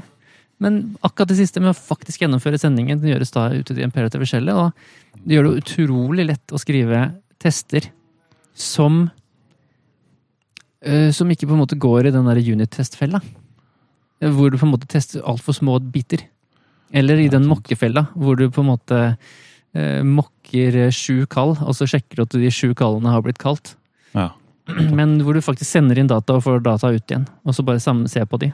Det er veldig flott. Ja, ikke sant. Det er fordi Da er vi inne på noe som eh, Altså, vi er veldig enige om dette her, da. Det er, det, er, det er et problem. Ja, ikke sant? eh, fordi det, det, jeg tenker jo nå at uh, Kodeskikknemnda-navnet var jo egentlig en idé Jeg føler meg var liksom forut for min tid. For jeg husker for liksom 15 år siden tenkte jeg at det var et spørsmål om tid før vi utviklere blir underlagt liksom lover og regler og kan bli juridisk ansvarlig og sånn. Så kommer jo GDPR, da. Det er liksom starten på det, mener jeg. Mm. Eh, Så jeg tenkte jo sånn, Det bør jo gå an å lage liksom regler for hva som er god og dårlig kodeskikk. Eh, og jeg ville jo sagt at dette her er jo en sånn ting. Å skille på utføringen av operasjonen og, og ja, det vi har snakka om, da. Eh, men det er jo det vi har oppdaga mange ganger, at det finnes jo masse mennesker som ikke er enig med oss Ja. i dette her. Og, og, og det som gjør det på en måte enda vanskeligere, er at jeg klarer ikke å se for meg hva argumentene er. Så selvfølgelig klarer ikke vi å bli enige om hva som er lurt og ikke lurt. For det, det er jo liksom, det, noen har en så annen modell om å tenke på kode, tydeligvis, Mm. at vi ikke engang klarer oss liksom snakke samme språk. Mm. Uh, så det er, det er interessant. Så den kodeskikknemnda tror jeg ikke skal være det. Det blir vanskelig. Det er noen ting, da, sånn som ok, det er bedre å bruke versjonskontroll enn ikke. Ja, enkelte Alle ting er, det lett å være enig i. Ja. Ikke sant? Mm. Mens dette her, eh, det hadde jo egentlig vært morsomt. da, En liten notis bak øret mitt eh, på om liksom, en gjest i fremtiden kunne liksom, lagt ut om hvorfor det er en dårlig idé. Ja, for det som jeg syns er litt fascinerende, er jo DevOps. DevOps kom jo for eh, ja, skal vi si fem-ti år siden, eh, hvor det virkelig liksom ble populært. Og hvorfor ble DevOps så utrolig populært? Det var jo virkelig ikke sånn man jobba. Ja. Eh, altså kontinuerlig deployment og altså du, sant, du hadde Flicker Flickr som eh, deployerte ti ganger om dagen. ikke sant? Det starta det der. Ja, ja. Og, og sjefer skulle jo bestemme, så du fikk ikke lov til å deploye. Sånn har du jo før. Ja, altså det, var jo, det var en helt annen verden før. Og så plutselig så kom liksom den DevOps-movementen. Hvor det nå har på en måte kommet til, til samme sted hvor agile er, hvor det ordet ikke lenger betyr noe.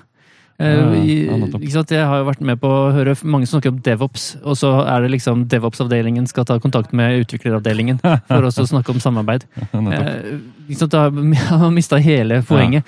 Men det, det var en sånn bølge, syns jeg, følte jeg, da, som kom over hele bransjen. Og endret helt hvordan vi deployerte og, og vedlikeholdt eh, Mm. kode i operasjonen.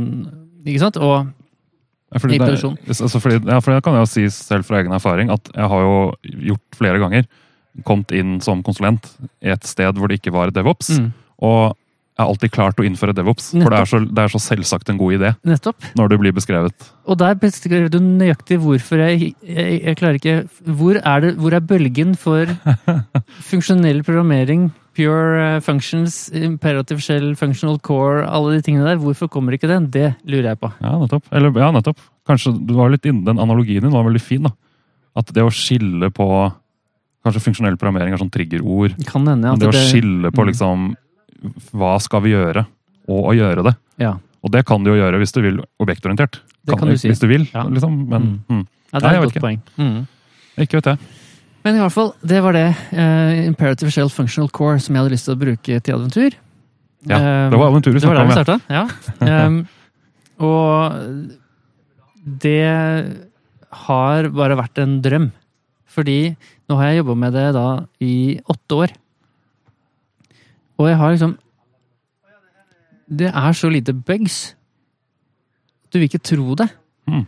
Fordi det er så lett å så skjønne hvordan ting henger sammen. Når den, hver eneste funksjon du ser på Altså det fins et, et imperative shell, og der skjer det mye prosesser og løpende greier og state og database, transaksjoner og sant, Alt det der, det skjer der. Men det er på en måte bare et eh, hjemmesnekra rammeverk, kan du si. Eh, hvor resten, 80-90% av koden, er pure functions. Så når jeg på en måte er gjennom det skjellet, og som jeg på en måte eh, Det tenker tenker jeg ikke så mye på, for det bare funker. For det bruker bare noe datagreier for å putte noe i sende noen mailer og putte noe i dat databasen sånn. Når jeg kommer inn i den funksjonelle kjernen, så er det et én-til-én-forhold mellom alle funksjonene i den form at hvis en funksjon Funksjoner får bare data og returnerer bare data. Eh, en funksjon vil aldri vil, vil aldri gå et annet sted til en eller annen singleton eller en database eller et annet objekt som må være ferdig satt opp med noe greier, eh, som den sjekker noe med, eller noe sånt. ikke sant? Det, det er bare den funksjonen du ser på nå, og de som den kaller. Er det dette man kaller referentially transparent? Ja. Ish? Referential transparent betyr jo at du eh, kan erstatte eh, funksjonskallet med dens returverdi. Ja, nettopp Ja. det er det egentlig. Og så vil det være likt. Mm. Um, med andre ord, den kan ikke gjøre noe. For hvis du bytter ut returverdien 42 eh, med tallet 42, og den logget noe, eksempel, eh, så vil jo ikke det bli gjort noe logging. Men, um, men ja, det er basically det. Men det som skjer, altså La det være sagt, jeg gjør av og til logging. Jeg tenker ikke på logging som en del av på en måte, signaturen eh, Nei. i en sånn funksjon. Nei. Um, men um, det at jeg kan se La oss si jeg leser sju linjer kode, da. Og så selvfølgelig kaller de nye funksjoner, men alle de er også pure. Så er det ikke noe annet som påvirker meg. Så hvis jeg forstår de sju linjene, så er jeg ferdig. Jeg kan jo gå inn i den funksjonen og så finne ut hva den gjør, men den har akkurat den samme greia. Mens det som jeg har opplevd ofte før, er ok, den her bruker jo det objektet der. Men det objektet kommer jo derfra. Og hvordan, hvem er det som, er det som Ok, den her skriver til dette objektet. Ikke sant? Den, hvem leser? Eh, ikke sant? Noen andre leser et annet sted eh, i runtimen. Eh, og, og hvordan vet jeg at den her har blitt satt opp eh, enda? Altså, mange sånne tanker. Sånne kompleksitetsøkende elementer som ikke er pure. da. Eh, og særlig hvis du har hele databasen under, så kan du altså, en funksjon kan ha hvilken som helst effekt. Mm. Altså, uansett hva den heter. Ikke sant? Eh, Hvis jeg leser en, en, eh, en funksjonsnavn, så vet jeg at den kan gjøre hva som helst. Og, og, og i andre programmeringsspråk som ikke har mutable data, så hvis jeg sender et objekt til noen, og den på en måte Det, det objektet kan Hva som helst kan ha skjedd med det. Og det høres jo på en måte litt sånn skal vi, eh, Det høres litt paranoid ut. Og andre folk kan fikse på listene mine. De kan legge til elementer i listene mine. Å ja, ja, ok. Ja, Men hva om jeg ikke gjør det, da? Ja, Eh, Hvorfor tror du folk er ute etter å ta deg, liksom? Bare fikser de på objektene dine? Det gjør vel ikke det? Men det er jo sånn man koder. Du, du, har en liste, og, og så bruker du Med en gang du bruker en forløkke vet ikke om du har tenkt på det en gang, men en forløkke returnerer jo ingenting i Javascript, eksempel. Så det eneste man kan Og forløkker ser man overalt. Ja. Og det eneste en forløkker kan gjøre, er altså poke på andre ting. Du kan legge ting i lister og fjerne ting fra lister og putte ting i objekter og alt. Det driver og endrer på ting. Ja, det er det de gjør. Eh, Så hvis du putt, sender inn en liste til noen, og du har lyst til å bruke den lista videre seinere, så vet du ikke om Selv om funksjonen nå ikke gjør noe, så kan den gjøre noe en annen gang. Så det du snakker om, er at eh, ved å følge den konvensjonen, kan vi kanskje kalle det, eller designpatternet Functional Core Imperative Shell, så, så har du på en måte eliminert masse ting å tenke på, Ja. Det kan du si. på en måte. Du, det er en hel på en måte kategori med kompleksitet som du ikke trenger å ta inn over deg. Nettopp. Um, Men det er jo bare design-pattern, for du kan jo fortsatt inn i en funksjon et sted, lage deg noe state og gjøre noe kødd. det er riktig. Um, det vil jo være litt forskjellig på språkene hvor lett tilgjengelig det er å gjøre dette. Mm. For jeg vil jo si at det, For at en funksjon skal kunne være pure, så må du ha immutable data. Nettopp. Um, fordi så kan, vet du ikke det. Ja, nettopp? For det er jo et problem ofte. Jeg har vært borti noe sånn eller et som ikke var synlig for meg før jeg begynte med Clojure selv. da. mm, Men som er at jeg har en ting som har noe state, mm, og så er det noen som spør meg om litt av den staten, og så returnerer jeg litt. mm. Men så er jo det en referanse til min state, som er muterbar. Ja. Og den må jo ingen endre på, fordi da kan den bli ugyldig. For jeg sjekker jo alltid når jeg endrer på den staten, at den ikke havner i en sånn mhm. dum state. Så, så det er jo en sånn ting som, Og da driver man og kanskje lager seg en kopi, da, eller noe. Det er jo liksom ditt problem, da, å, å finne ut av det og huske på det. og sånn. Ja. Så Det er jo en sånn ting som da vil bare bli eliminert. nettopp ved at du får hjelp av språket, ved at det faktisk er immutable datastruktur som er defaulten. da. Mm. Så, ja, så akkurat Closure er jo et veldig pragmatisk språk, så du kan gjøre veldig mye rart der. Så det å si at det er Det er ikke liksom sånn Haskell-pure. Du trenger ikke noe IO-monad for å drive og bryte på en måte litt av den kontrakten, men det er mye lettere å få det til um, å gjøre pure functions med immutable data når immutable data er defaulten, da. Ja, for Det er en sånn der strikthet som jeg snakka med Kåre om i episode to. Kåre Nilsen, At uh, på en måte føles Closure striktere enn Skala. Ja. Uh, som på en måte ikke høres helt intuitivt ut, for Skala har jo masse typer, og sånn, men det er jo strikt compile time. Mm. Mens runtime i Closure er på en måte striktere. vil Mm. jeg si. Det er liksom, Du må jobbe litt med, med Skala. er det bare å lage en objektgraf hvor du vil. Mm. Og den er typesikker og sånn. da. Så den er, den, er ikke, den er strikt på den måten, men du står, det kan du liksom ikke gjøre. Du må jobbe veldig motstrøms da, i Closure. for å... Du må det. Så det er en sånn strikthet der som er litt interessant. Mm. Hvor var vi i adventurland nå? Jeg hadde, jeg hadde en idé om at jeg skulle lage den nye med tidshopp og closure Ja. og Atomic og functional core imperative shell. Ja, Nå kan alle forstå hva du mener med det. Det var det, det vi Ja, snakka om. Det var det vi snakka om. Mm. Og um, Ja, og så jeg, følte, jeg, vet ikke, jeg vet ikke hva jeg skal si, du kom med noen spørsmål, men det ble i hvert fall veldig bra. Um, det, for det første så var det jo veldig moro å se at det patternet fungerte. Men det andre var at tidshopp har jo gjort spillet mye bedre.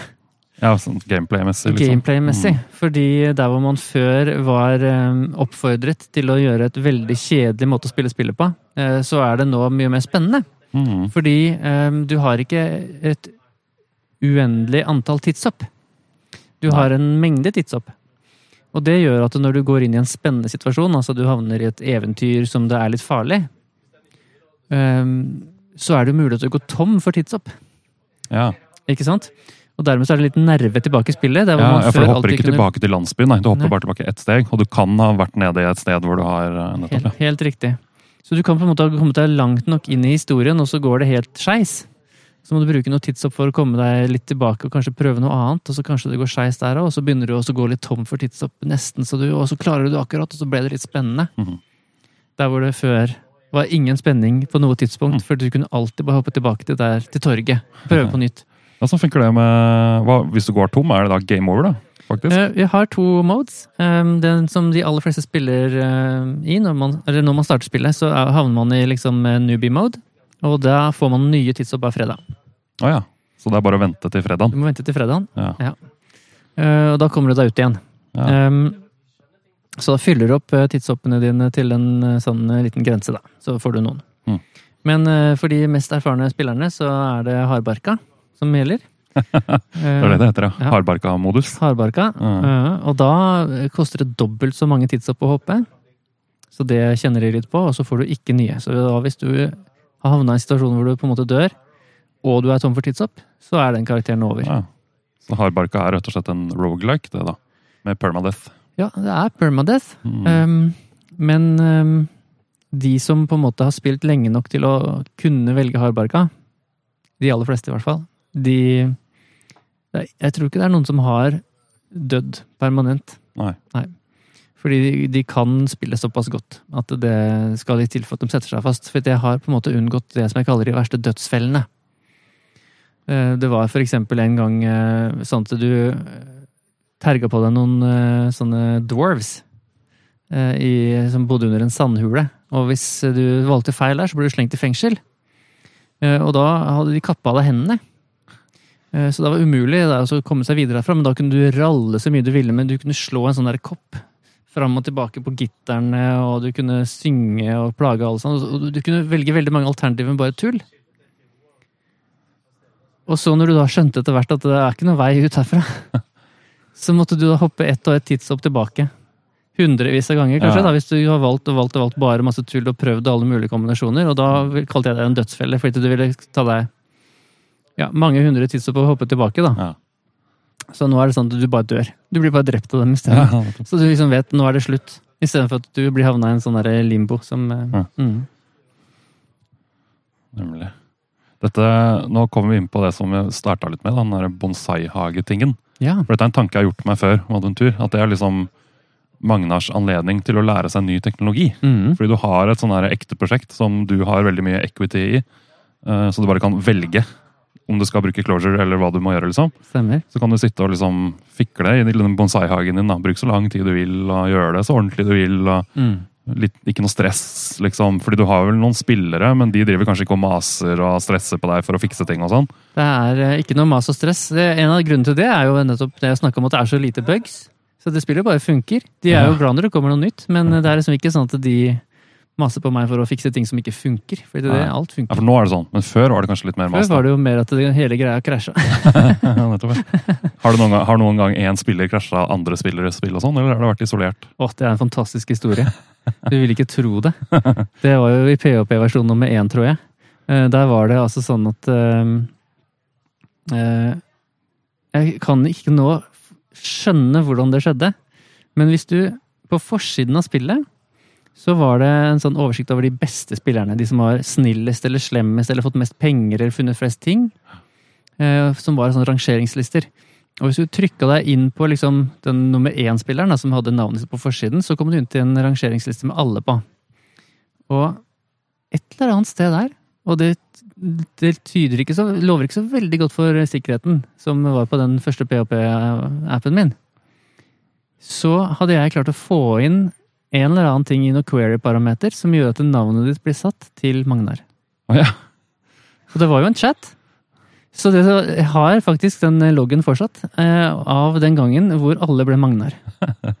eh, altså, ikke alle, for man må da trykke seg inn eh, på rangeringslisten før det skjer.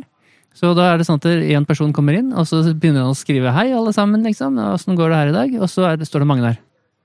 Og så blir den personen veldig forvirra eh, og skriver litt mer om eh, 'jeg er ikke Magnar', og 'hva er det som foregår', og sånn. Og så kom det en Magnar til, ikke sant? Og en Magnar til, så plutselig alle var Magnar. Og chatten var i hundre over hva som foregikk. Eh, Og da hadde jeg altså klart å overskrive navnet. Ja, det er jo typisk som du tester sikkert bare med din egen bruker, Ja, så da merka ikke du det Mhm. nettopp. Det var jo også, altså det her er den første versjonen, så det var jo sånn hvor jeg FTP-a PHP-filer opp Ah. til prod-serveren. Ja, Ikke sant? Mhm. Hæ. Ja, det var ikke noe deployment pipeline den gangen. Nei, nettopp. Nei. Da fikk du oppdaga da, på denne chatten, så det var litt devops der. Ja, hadde det, alerts. det, var, det var klassisk uh... Hva var time to recovery på den eh, feilen her?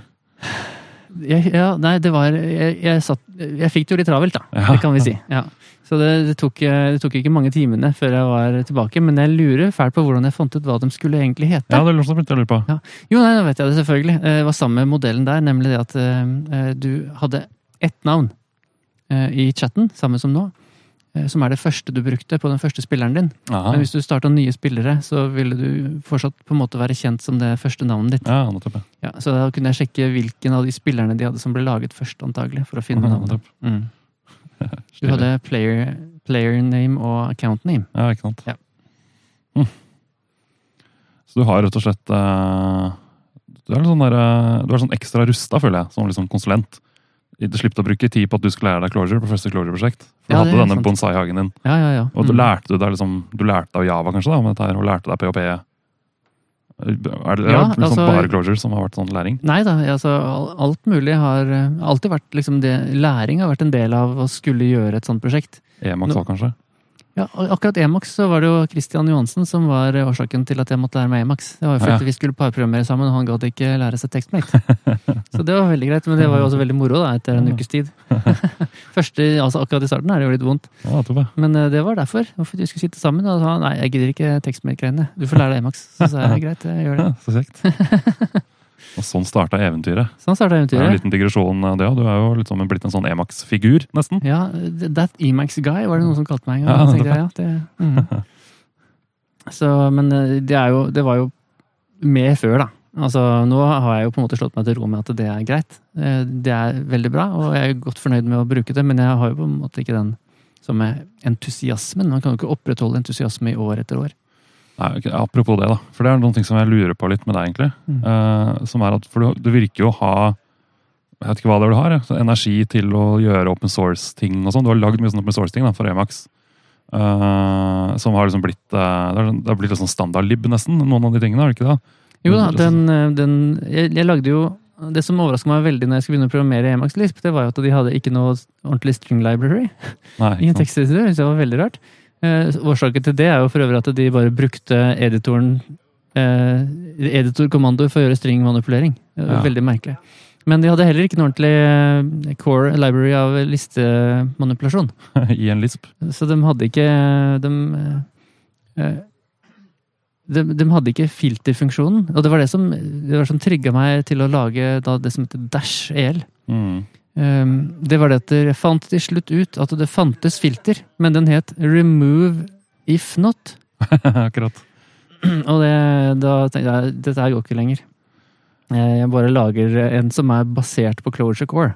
Ja, nettopp. Lager de samme navnene og de samme funksjonene som er i Closure Core, bare i Emax. Og den er den mest nedlasta Emacs-pakken.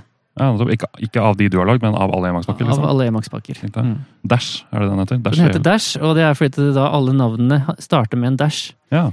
Eh, Jackery-style, liksom. Det er jQuery-style, og det er like godt likt som den derre dollaren til jQuery eh, i liksom eh, puristmiljøene. For det, eh, det som er egentlig som man egentlig skal gjøre, det er altså et navn på pakken sin. La oss si Magit. Da skal alle funksjonene i Magit-pakken være prefikset med Magit.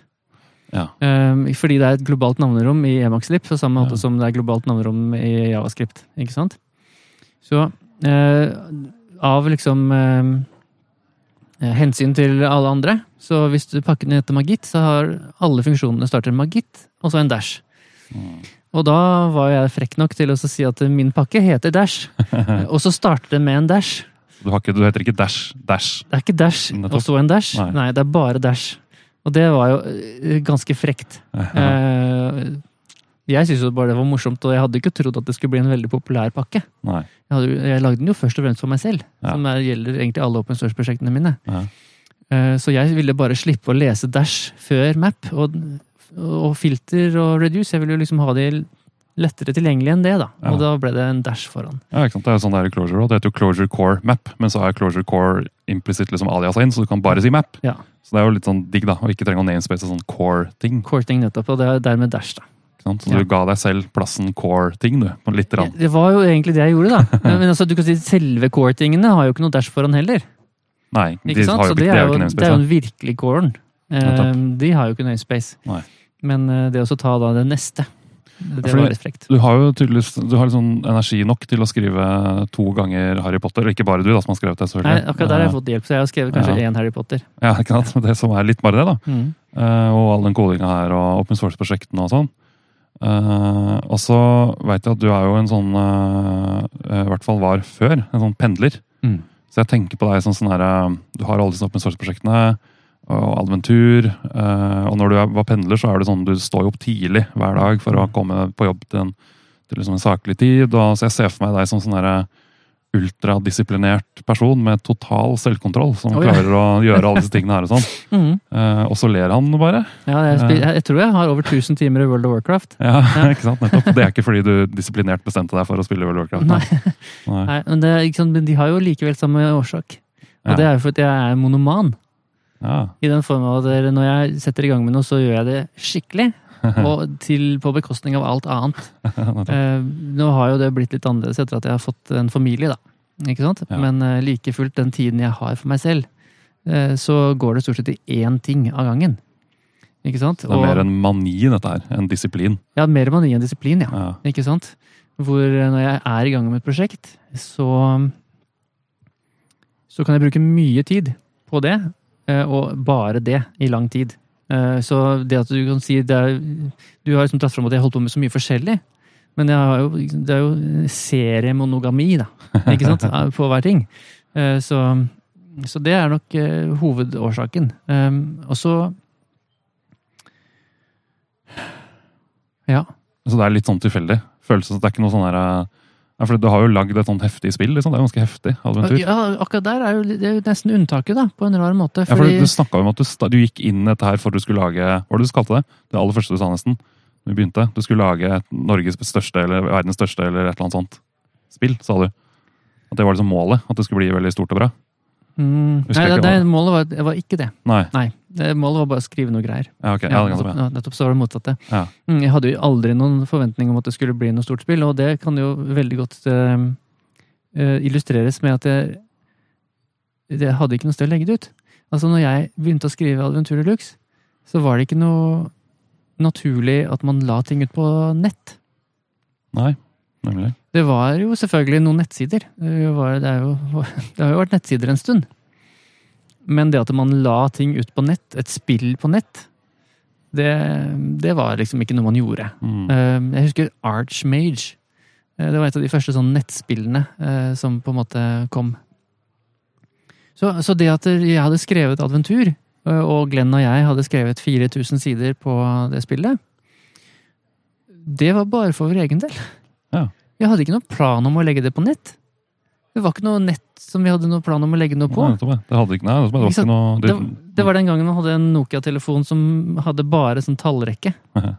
Så sendte man SMS, så måtte man lese den én Måtte man lese den åtte bokstaver av gangen. ja, og så altså, scrolle ja, såpass, bortover. ja. Ja, kalkulatordisplay, liksom. Mhm, kalkulatordisplay. ja. Um, så det at det, etter hvert ble lagt ut på nett, det var jo fordi jeg fikk meg en sommerjobb i, eh, i Fredrikstad kommune for å lage nettsider for dem. Eh, Jeg skulle lage ungdomssatsingen Fredrikstad Nett. um, som eh, Som da passet det bra en ung fyr som skulle komme og lage det. Ja. Og da lærte jeg at just det går an å legge ting ut på nett sjæl. Jeg kan også legge ting på nett. Det var jo tøft. Ja. Og da fant jeg ut at jeg skulle legge ut adventur. Igjen, da, for å så prøve det. Ja, ikke sant? Ja, nettopp. ikke sant? Mhm. nettopp. Så det var ingen ambisjoner, egentlig. Ja, det er litt interessant. Så hvis det hadde vært La oss si at det hadde vært ordentlige ambisjoner som lå i bånn, så hadde man jo ikke skrevet det på norsk. Nei, ikke sant? Ikke sant? Det er jo supersnevert, bare der. Utrolig snevert. Ja. Er Som fem millioner mennesker som kan, som kan ha glede av det. Og den fire millioner når du begynte. Ja, Enda færre den gangen. sant? Eh, Så det at det er på norsk, eh, er jo en Det er jo en velsignelse.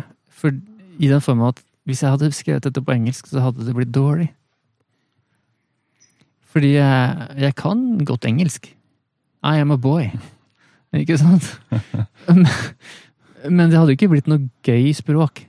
Det er jo det som er der i dag. Det er litt morsomt, og det er litt sånn For det er jo, det det er jo fargerikt, vil jeg si. Ja, Ja. det er et spesielt språk. Jeg har jo eh, hatt noen sånne Reddit eh, Ask me anything-greier, eksempel, og da var det en som drev og lærte seg norsk. Og lurte på om dette passa bra for noen som lærte seg norsk. Da sa jeg ja, det er sikkert gøy, men ikke bruk dette språket på CV-en din. liksom. det, er, det er rart. Men det er jo gøy, da. At det er adventurspillere, er også det. Mhm. Som man brukte til å lære. Altså, gjorde den personen det, da, til slutt? Lærte seg norsk med adventyr? Det tør jeg ikke si noe om. Nei. Det var i hvert fall et Kanskje ble skremt bort av advarselen min. Men eh, Så nei, det, er, det har aldri vært en stor ambisjon. Um, det, og det tror jeg på en måte nesten er nødvendig. For det å bruke 25 år av livet sitt på på en måte eh, tape så mye penger som jeg taper på det spillet. Ikke sant? Jeg har jo bare hatt utgifter og tidsbruk, ikke noe inntekter på det. Ikke sant? Et, det er en sånn parallell, føler jeg nå, til eh, Det er mye som er likt med historien til Linus Torvalds, syns jeg. Eh, som er at han også starta med en, ikke en Amiga, da, men en, eller annen sånn ikke-PC. Så hadde han lagd noe OS-greier, og så fikk han seg en PC. Så var det så dårlig OS på den, så måtte lage sitt eget OS. Og hadde ikke noe mål om å skulle ikke bli noe stort og sånn. Det er vel Nesten alle i bransjen har vel lest den her første mailen hvor han annonserte Linux som var lagt ut på FTP-serveren til eh, universitetet i Helsinki. Med sånn der, det er bare noen prøvegreier og prøver å ligne, et, etterligne Minix, det som var størst den gangen. Det kommer ikke til å bli noe stort, sikkert. eller Jeg har ikke noen ambisjoner. Jeg må få bare prøve det og gi meg feedback. liksom. Så fikk han altså feedback, da. Mm. Det var, sånn, det var også litt sånn tilfeldigheter også, at han traff. Også, fordi det var midt i sånn flame war i BSD-land. Mm. Så BSD-land sto veldig stille akkurat da. Så han lagde ting som BSD ikke hadde, faktisk. Sånn swapping til disk, tror jeg. Linux hadde før BSD. Derfor ble det kjent. Så det var liksom litt sånn tilfeldigheter. og ikke noe sånn, Han hadde ikke noen plan, han heller, Linus Torvalds, om at Linux skulle bli stort. Det var ikke noen ambisjon. Nei, ikke sant? Litt sånn samme greia. Mm. Og det var jo hans sånn bonsai-hageprosjekt, det òg. Han Mm. gjorde det fordi det var gøy, og for han lærte lært sånn nytt og likte å hacke på ting. og Så er det litt sånn tilfeldigheter som gjør at det var, du lagde et spill, ikke et operativsystem. Ja, et Og, altså, det er ikke tilfeldig, da, for Linus Torvalds er jo kompetent. Mm. Men han gikk jo ikke inn for å Han hadde ikke ferdig plan for å lage det største operativsystemet på 90-tallet og sikkert fortsatt. Nei, ikke sant.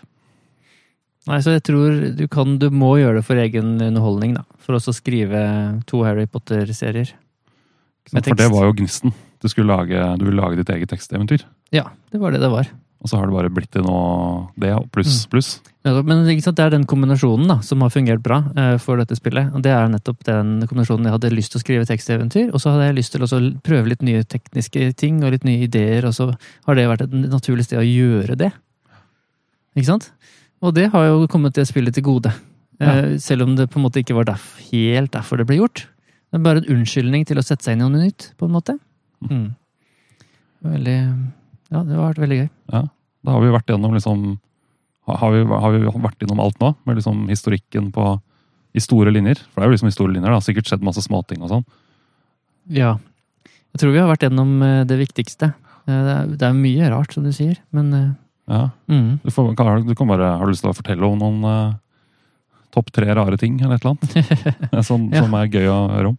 Ja, vi har jo en eh, amerikansk professor som eh, skriver på spillet, og som eh, i alle år eh, var den mest ivrige spilleren, og så ble en skribent når jeg lagde Skribent Deluxe. Og han bruker jo adventur for å holde på en måte språket ved like. For han bor i USA og, underviser i amerikansk historie. Men er født norsk og vokst opp i Norge og snakker norsk og sånn? Stemmer. Ja. Så han, han er eh, han er en av de våre ivrigste spillere som nå på en måte har kanskje trukket seg litt tilbake fra spillingen, og så fokuserer mer på å bidra med mer innhold til spillet. da. Nettopp. Kan du beskrive en skribent de luxe litt? Hva er, hva er det? Er det en online osv.? Ja, eh, den er en eh, Der skriver man ikke det som liksom er adventurskript. Eh, Der har man fått et eh, UI. Hvor man eh, har på en måte en sidegraf som er lagd med D3. Eh, Og så kan man trykke seg inn i sidegrafen og legge til nye sider og alternativer og sånn. Og så Det også har du lagd. ja, også laget. Ja. Eh, Og den også har sånn, eh, den har sånn gamification, for når jeg lagde den, så var liksom gamification den nye store. Det var jo da Stack Overflow kom og eh, liksom hadde poeng og sånn, ikke sant? Alt skulle gamifies den gangen. Så når du kommer til skribent, så er jo gamification eh, nesten helt essensielt. Fordi du blir da gata av meg som redaktør. Må godkjenne enkle bidrag før du kan gi mer avanserte bidrag. Så Du må få rep. ja, du får. XP eh, i skribent, som gjør at når du får godkjent et eh, bidrag, så vil du få XP som låser opp nye features. Så i begynnelsen så kan du bare skrive eh, alle tingene som du kan finne i spillet, har sin egen sånn litt morsomme beskrivelse. Eh, Så da kan du skrive en ny sånn litt morsom beskrivelse på tingene, og når du har klart tre av de, tror jeg, så har du fått nok XP til å begynne å skrive en liten historie. Mhm. Og så baller det på seg. Helt til du kan skrive store, flotte ting som folk har gjort. da. Sånn som professoren fra, fra Amerika, og så har vi en barnehageonkel også, som skriver en hel del. Og dette her er, det, alle kan egentlig bare begynne med dette her, da. Er det åpent, eller må du Du godkjenne må, det? da må du være medlem i foreningen Adventurs venner, Aha. eh, som er de som betaler for serverdriften. da. Jeg sa jo at jeg var så lei av å betale 500 spenn i måneden for server. Så en av de andre tingene jeg gjorde når jeg starta opp igjen, det var også å starte en norsk forening med orgnummer og alt. eh, Og årsmøte og den slags. Sånn at vi kan eh, få da medlemskontingent som ikke går til meg personlig. Ikke sant? Jeg har ikke lyst til å ha det på min skattemelding.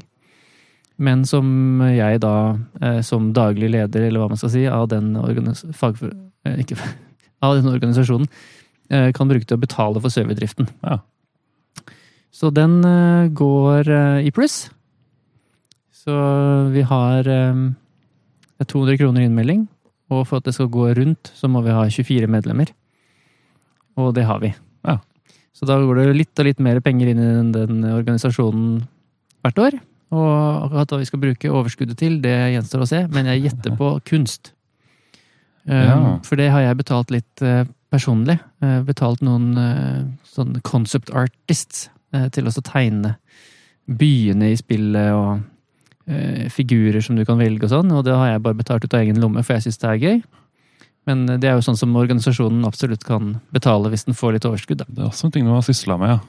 Å, jeg har fått tegna For det er, når- det er sånn når du går på adventur.no, Mm. som vi nevnte for første gang nå. Ja, det, Eh, For det, det er jo, dette spillet fins jo, det er åpent. og Det er, er adventur.no, er det ikke det? Mm. Som er riktig. Og da får du et ganske fint bilde, er det ikke det? jo, det er ganske fint. Det er også tegnet av en norsk kunstner. Sant? eh, for mange år siden. Så han syns ikke det er så fint lenger. Jeg snakka med han. Eh, han syns det var veldig enkelt nå.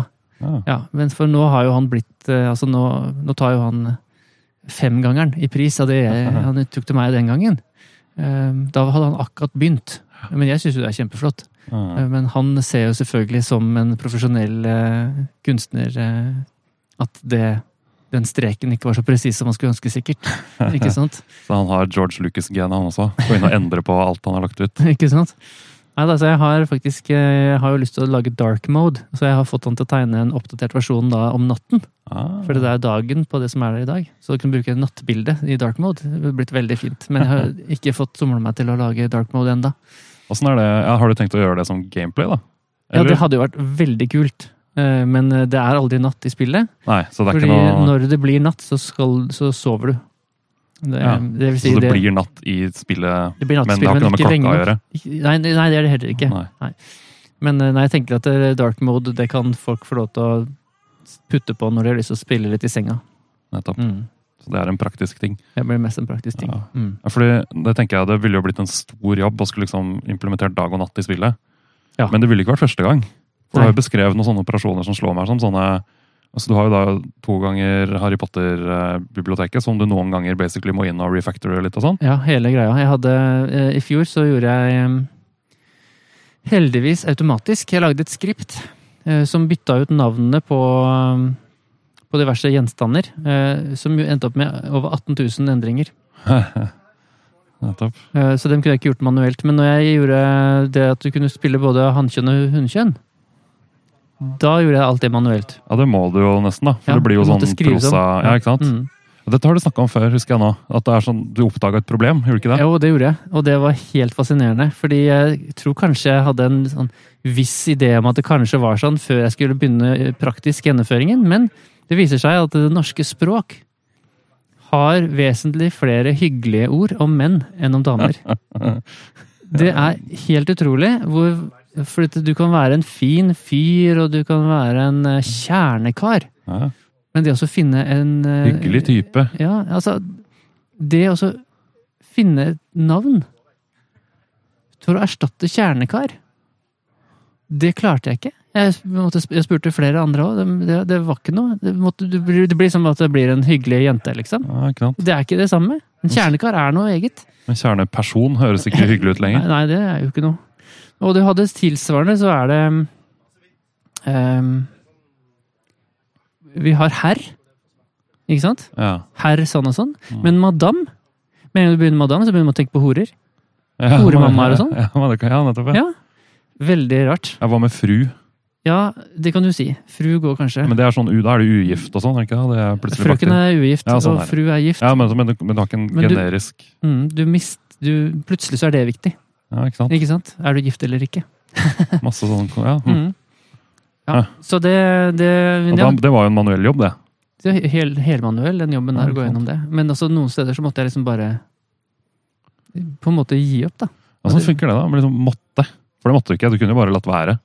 Og latt den, hvis du skjønner, da. Hvis det kunne stått kjernekar om en dame. Nei, eller bare ikke hatt forskjellige kjønn, liksom. Å ja, ja, sånn, ja. Men det virker som den, Av en eller annen grunn så trigga det manien nok, da. Nei, nå skal Ja. jeg ha han og hun. Og Ja. det er bare, da, Ja, ja. Mm. da skjer det. Ja. På en måte. Da skjer det, Ja. Mm. Det har ikke noe arbeidsmengde og sånn. Har ikke noe å si. Ja. Nei. Måtte Nei, det- all skriving stoppe opp, da? Eller åssen var det? Var det en sånn hybridperiode hvor alt nytt var riktig? Og... Oh, ja, sånn, nei, nei da, det var eh, all, all skriving stoppet opp, men du vet at eh, det, det tok jo Det tok jo ikke mer enn et par uker. Nei, nei, det det var såpass, ja. Nettopp. Ja. Jeg skal ikke spørre om, eh, om det var før eller etter du fikk barn og sånn. Det kan du slippe å innrømme i offentligheten. Jo da, men altså, det, de, sover av og til, vet du. Ja, det var det. Ja. Ikke sant? Ja. Ja, det er et heftig prosjekt. For det er jo bare sånn i hodet mitt, sånn, sånn kjedelig drittjobb, liksom. Ja. Uh, nei, det, er, det er jo ikke Nei, jeg vet ikke. Men det er, i hvert fall, er ikke sånn gøy å lære sånn ny teknologi, da. Nei, det Det er er litt sånn maintenance Ja. Det er jo ikke uviktig, liksom, men ja, nei, jeg vet ikke. Jeg vet ikke helt hvordan jeg skal si det, men eh, Det var på en måte bare en jobb som måtte bli gjort hvis jeg hadde lyst til at det skulle være litt mer inkluderende spillet. ja, ikke. Ja. Så um, der hadde jeg Jeg har jo en eh, ja, det, som, det som jeg oppdaget, da, ikke sant, det var eh, Når jeg på en måte hadde gjort den jobben, og så skulle jeg spørre folk vil du spille en mann eller en dame. Så plutselig så ble det veldig viktig. Altså, hvis du ser for deg Du kommer inn og skal spille et eventyrspill. Du har bare lyst til å svinge sverdet og drepe zombier og kjipinger. Mm. Og så det første du blir spurt om, er skal du spille en mann eller dame. Hvorfor er det her så viktig? Hvorfor må jeg ta stilling til det nå? Ja. Det jo Det føltes plutselig som at fra at mann var defaulten, det er jo åpenbart en kjip greie, Mm. ikke sant? Til at nå skal jeg være så veldig opptatt av det at jeg viser deg det med en gang. Ja, Så der sant? fant jeg på noe lurt. Trodde jeg. I hvert fall det er Det var lurere, eh, men det har blitt bedre enn nå. Det som jeg gjorde, var at der, når du begynner å spille, når du går inn på adventur.no, trykker 'spill nå', så registrerer du deg ikke. Du kommer bare Ja. rett inn i spillet. Um, og så kan du spille en god stund, og så spør noen deg om navnet ditt. Og da får du ikke et skjema fullt av masse greier, du får bare skrive navnet ditt. Ikke sant? Ja. Og da samtidig får du velge en avatar. Og da bare viste jeg deg eh, åtte herreavatarer, åtte kvinneavatarer. Da slapp jeg å spørre deg om kjønn. Ja, Vil du spille mann eller kvinne? Du bare valgte en herreavatar eller en kvinneavatar, og så ble det på en måte det eh, implisitt. Ja. Det er ikke så uvanlig det, å dra det inn i gameplay. Og alle sånne Elder Scroll-spill er vel sånn, er det ikke det? Jo, det stemmer sikkert. En eller annen fyr kommer og spør deg om eh, hvor du er fra, og så velger du det. Liksom. Ikke sant? Mm. Men det som var problemet, var jo at det, det var jo ikke alle som skjønte kjønn på avatarene. Oi, oi, Så noen hadde valgt den, og så trodde de det var en dame, eller noen hadde valgt den, og så trodde de det var en mann. Og så hadde de plutselig blitt tiltalt med pronomen som de ikke kjente seg igjen i. Mm. Så det var jo ikke meningen. Så nå har jeg jo bare gjort sånn at når du velger avatar, så får du også velge pronomen. For det er mye lettere å spørre om. Ja. Hvilke pronomen vil du ha?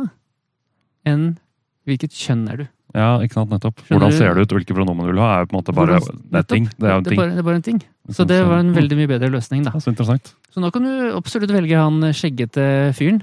Og velge hun-henne-pronomen. Helt Ja. fint. Bare gjør det. Hvorfor ikke? Hvorfor ikke? Mm. Både i adventur og i samfunnet, Ja. kan man jo si. Gjerne det, men nå er det i hvert fall ikke adventur eh, liksom så uh, Unngår de defaultene, da. Ikke sant? Så det det syns jeg ble fint. Ja, ikke sant. Ja, for du, nei, jeg for du velger Vil du omtale som han eller henne? Ja. Du velger ikke om det er mann eller kvinne, nei. Nettopp. Nettopp. Mm. Og så har jeg ikke lagt inn et tredje sett med pronomen. For jeg vet ikke helt om vi liksom har landa på hen eller eh, sen, Ja, sånn, ja. eller sånn, så det, der er jeg ikke helt uh, progressiv nok, kanskje. Men Nei, Der venter jeg på at Språkrådet bare skal innføre en bakover ikke-kompatibel endring på norsk språk. Ja, ikke sant? Så du har liksom gammel, gammel, ny gammel norsk og norsk, som Mm. er bare Kjønnsforholdene fins ikke. Mm. Det må vel bare skje, tenker jeg. Ja. Slipper vi hele greia. Ja, klart. Men altså, det var litt morsomt det du sa i stad. Om at dere innfører tidssyklus og dag og natt. For det er jo det jeg holder på med nå. Ja, nettopp. Og det var ikke avtalt på forhånd. Nei, det er det jeg sitter og jobber med nå, og det har jo da tatt veldig lang tid. For jeg har samtidig eh, gjort Å ja, så det er ikke noe i spillet for det? Det er ikke noe. Det, det, er- det er noe jeg holder på med. Oh, ja. Og det andre tingen jeg holder på med nå, det er Questlog. Å ja. Um, Ja, for nå Du får masse oppgaver nå.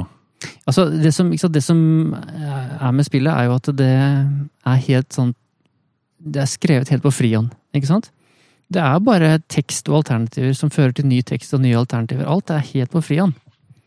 Så det fins jo ikke noe system for oppgaver som du får. Det fins ikke noe system for ting du, som du skal prøve å gjøre. For det spillet vet ikke om noen av de tingene der. Ja, Du har bare en slags state. Du har bare en Games, state, ja. og så har du en graf som du navigerer. Ikke sant? Så det at det fins i teksten sto at en eh, mann ba deg gå og hente bananer, og at det er mulig å gå et annet sted og hente de bananene, og så komme tilbake til mannen med dem, det vet ikke spillmotoren noe som helst om. Mm.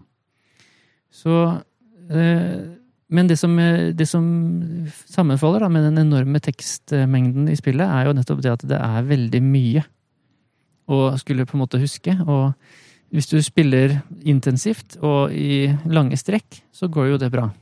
Men hvis du på en måte trenger en liten pause da, på en uke, og kommer tilbake, eller en, et halvt år, og har lyst til å spille videre, så husker du ikke noen puck av det du holdt på med. Nei, det kjenner jo igjen dette her. Mhm. Jeg har spilt adventur selv, Ja. og vært i akkurat det sånn, ivrig noen dager uker, og så Mm. glemt litt. Å, nå må jeg spille igjen! Ja. Og så Ups. husker jeg ingenting om noe. ingenting. Så det som jeg har laget nå, det som veldig mange moderne spill har, er jo en Questlog. Som er veldig i fjeset ditt. Altså du, du får Du ser Questloggen på skjermen til enhver tid. Og når du får et nytt oppdrag, så sier det blink i blink, her er det nye oppdraget ditt. ikke sant? Og du skal drepe ti ulver, og nå står det null av ti. Og når du har drept tre stykker, så står det tre av ti, og det oppdaterer seg hele tiden. Og nå er det ferdig, og nå kan du levere det, og så er det gule utropstegn over hodene til folk. Og, ikke sant? Veldig sånn in your face. Og sikkert veldig greit for å på en måte drive spillerens atferd. Men jeg har jo lyst til at det skal være et koselig tekstspill. Ikke en sånn oppgavesimulator. Um, så derfor så har jeg droppa den delen av Quest-loggen, som på en måte er in your face. Men det du kan gjøre, er at når du er litt usikker på hva du skal gjøre, så kan du gå i journalen. Og så har jeg liksom laget en automatisert notatbok. Sånn at eh, de tingene som du på en måte har kanskje tenkt at du skal gjøre en gang, men som ikke du har gjort ennå, de står der som sånne notater. Kanskje jeg skulle snakke med den, eller jeg hadde tenkt å gjøre sånn og sånn. Og så, så, så er den med sånn håndskriftfont. Ah. Så står det liksom skrevet bare sånne sjekklister og sånn. Så det er liksom nok en ting som er litt gameplay, dette her, da. Bare at det, det er Ja. kanskje ikke sagt, men sånn det som egentlig skjer, er at karakteren din skriver ned en eller skriver ned bok. hva som er tenkt. Stemmer. Mm. Stemmer. Så det er liksom journalen din som du kan gå inn og lese på. Og så har notert, tegn, skribla litt i margen og, eh, og sånn, da. Så det, altså, du sa altså at beskrivelsen beskrivelsene er litt sånn vage. Ja, altså ikke sånn veldig vage, men altså de er ikke sånn der du skal gå dit og drepe tre ting, og du skal Nei, gjøre sånn og sånn, sånn, men mer sånn bare dette må jeg huske på. Jeg husker det, uh, Har du spilt Breath of the Wild på Nintendo Switch? Mhm. Ja. Det er jo veldig sånn med noen ting. Du kan liksom finne en bok et eller annet sted, og så står det der kanskje det er noe spennende å finne i uh, altså et eller annet beskrivelse et eller annet sted Mhm. hvor det er to store fosser og et høyt fjell, og så må du bare eh, figure it out, liksom. Nettopp. Ja, det er litt sånn, da. Mm. Mm. Ikke den derre du får en markør på kartet, og så går du dit. Nettopp. Så jeg starta faktisk der med den eh, in your face-greia. Altså Hver gang du fikk et oppdrag, så dukka den opp på skjermen som sånn blinkende 'vær så god'. Og det gikk jeg bort fra liksom, den første dagen som jeg hadde laget det. For det, det ble en helt annen opplevelse. Teksten ble plutselig ikke så viktig. Mm. Og det er jo liksom teksten som skal være viktig i tekstspillet, da. Mm. Men det var, du, du jobber også med natt, å få natt, dag og døgnsyklus inn i spillet? Ja, det er, ja, det er veldig rart. Um, fordi spillet har jo aldri hatt det. Nei. Så du har jo av og til sovet, og det er bare fordi den som på det tidspunktet sa at du sov. Altså den som skrev da, sier ja, nå er det natta, nå sover du. Ikke sant?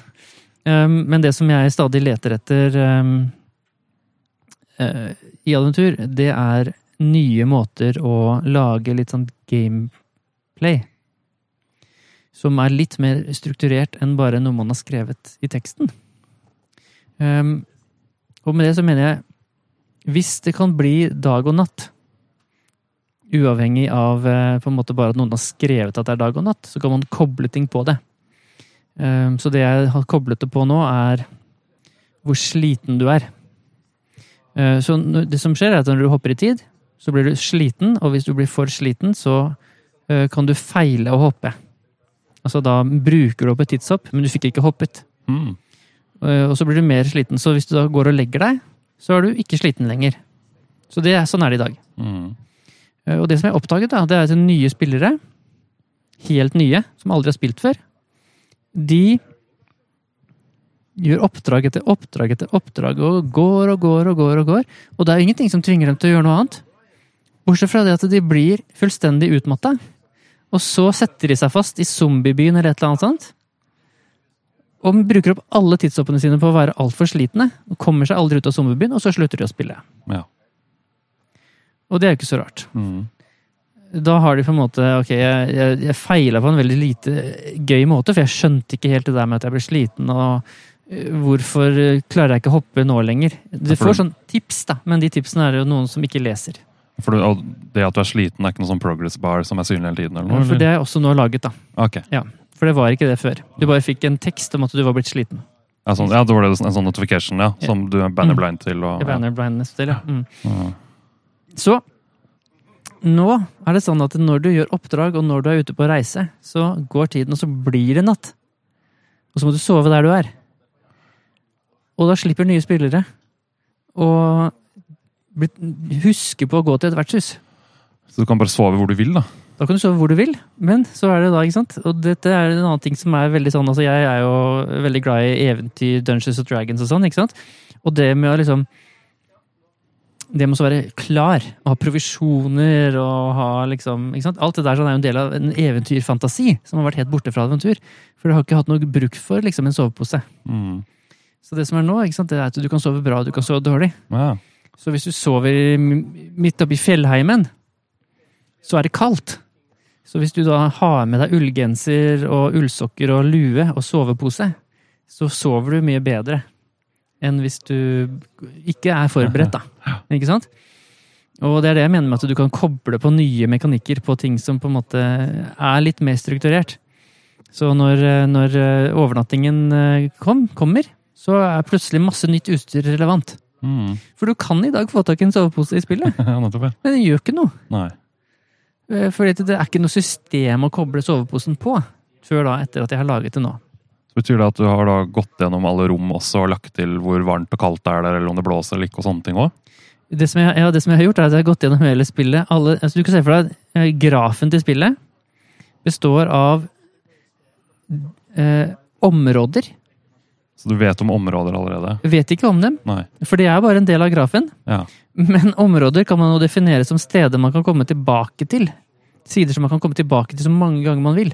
Fordi du kan alltid gå du kan alltid gå fra dypvann til svartøy og tilbake til dypvann og tilbake til svartøy så mye du vil. Mm. Så de nodene i grafen blir aldri eh, borte. Altså edgene mellom de blir aldri fjerna. Ikke sant? Så der har du en grunnsett av eh, noder i grafen. Og så har du ting som skjer, og som bare skal skje én gang. Så da er det jo sånn at når du har valgt den, gått til den noden, så blir den koblet fra treet. Hvis du skjønner? Mm. Ikke sant? Så da skjer den bare én gang.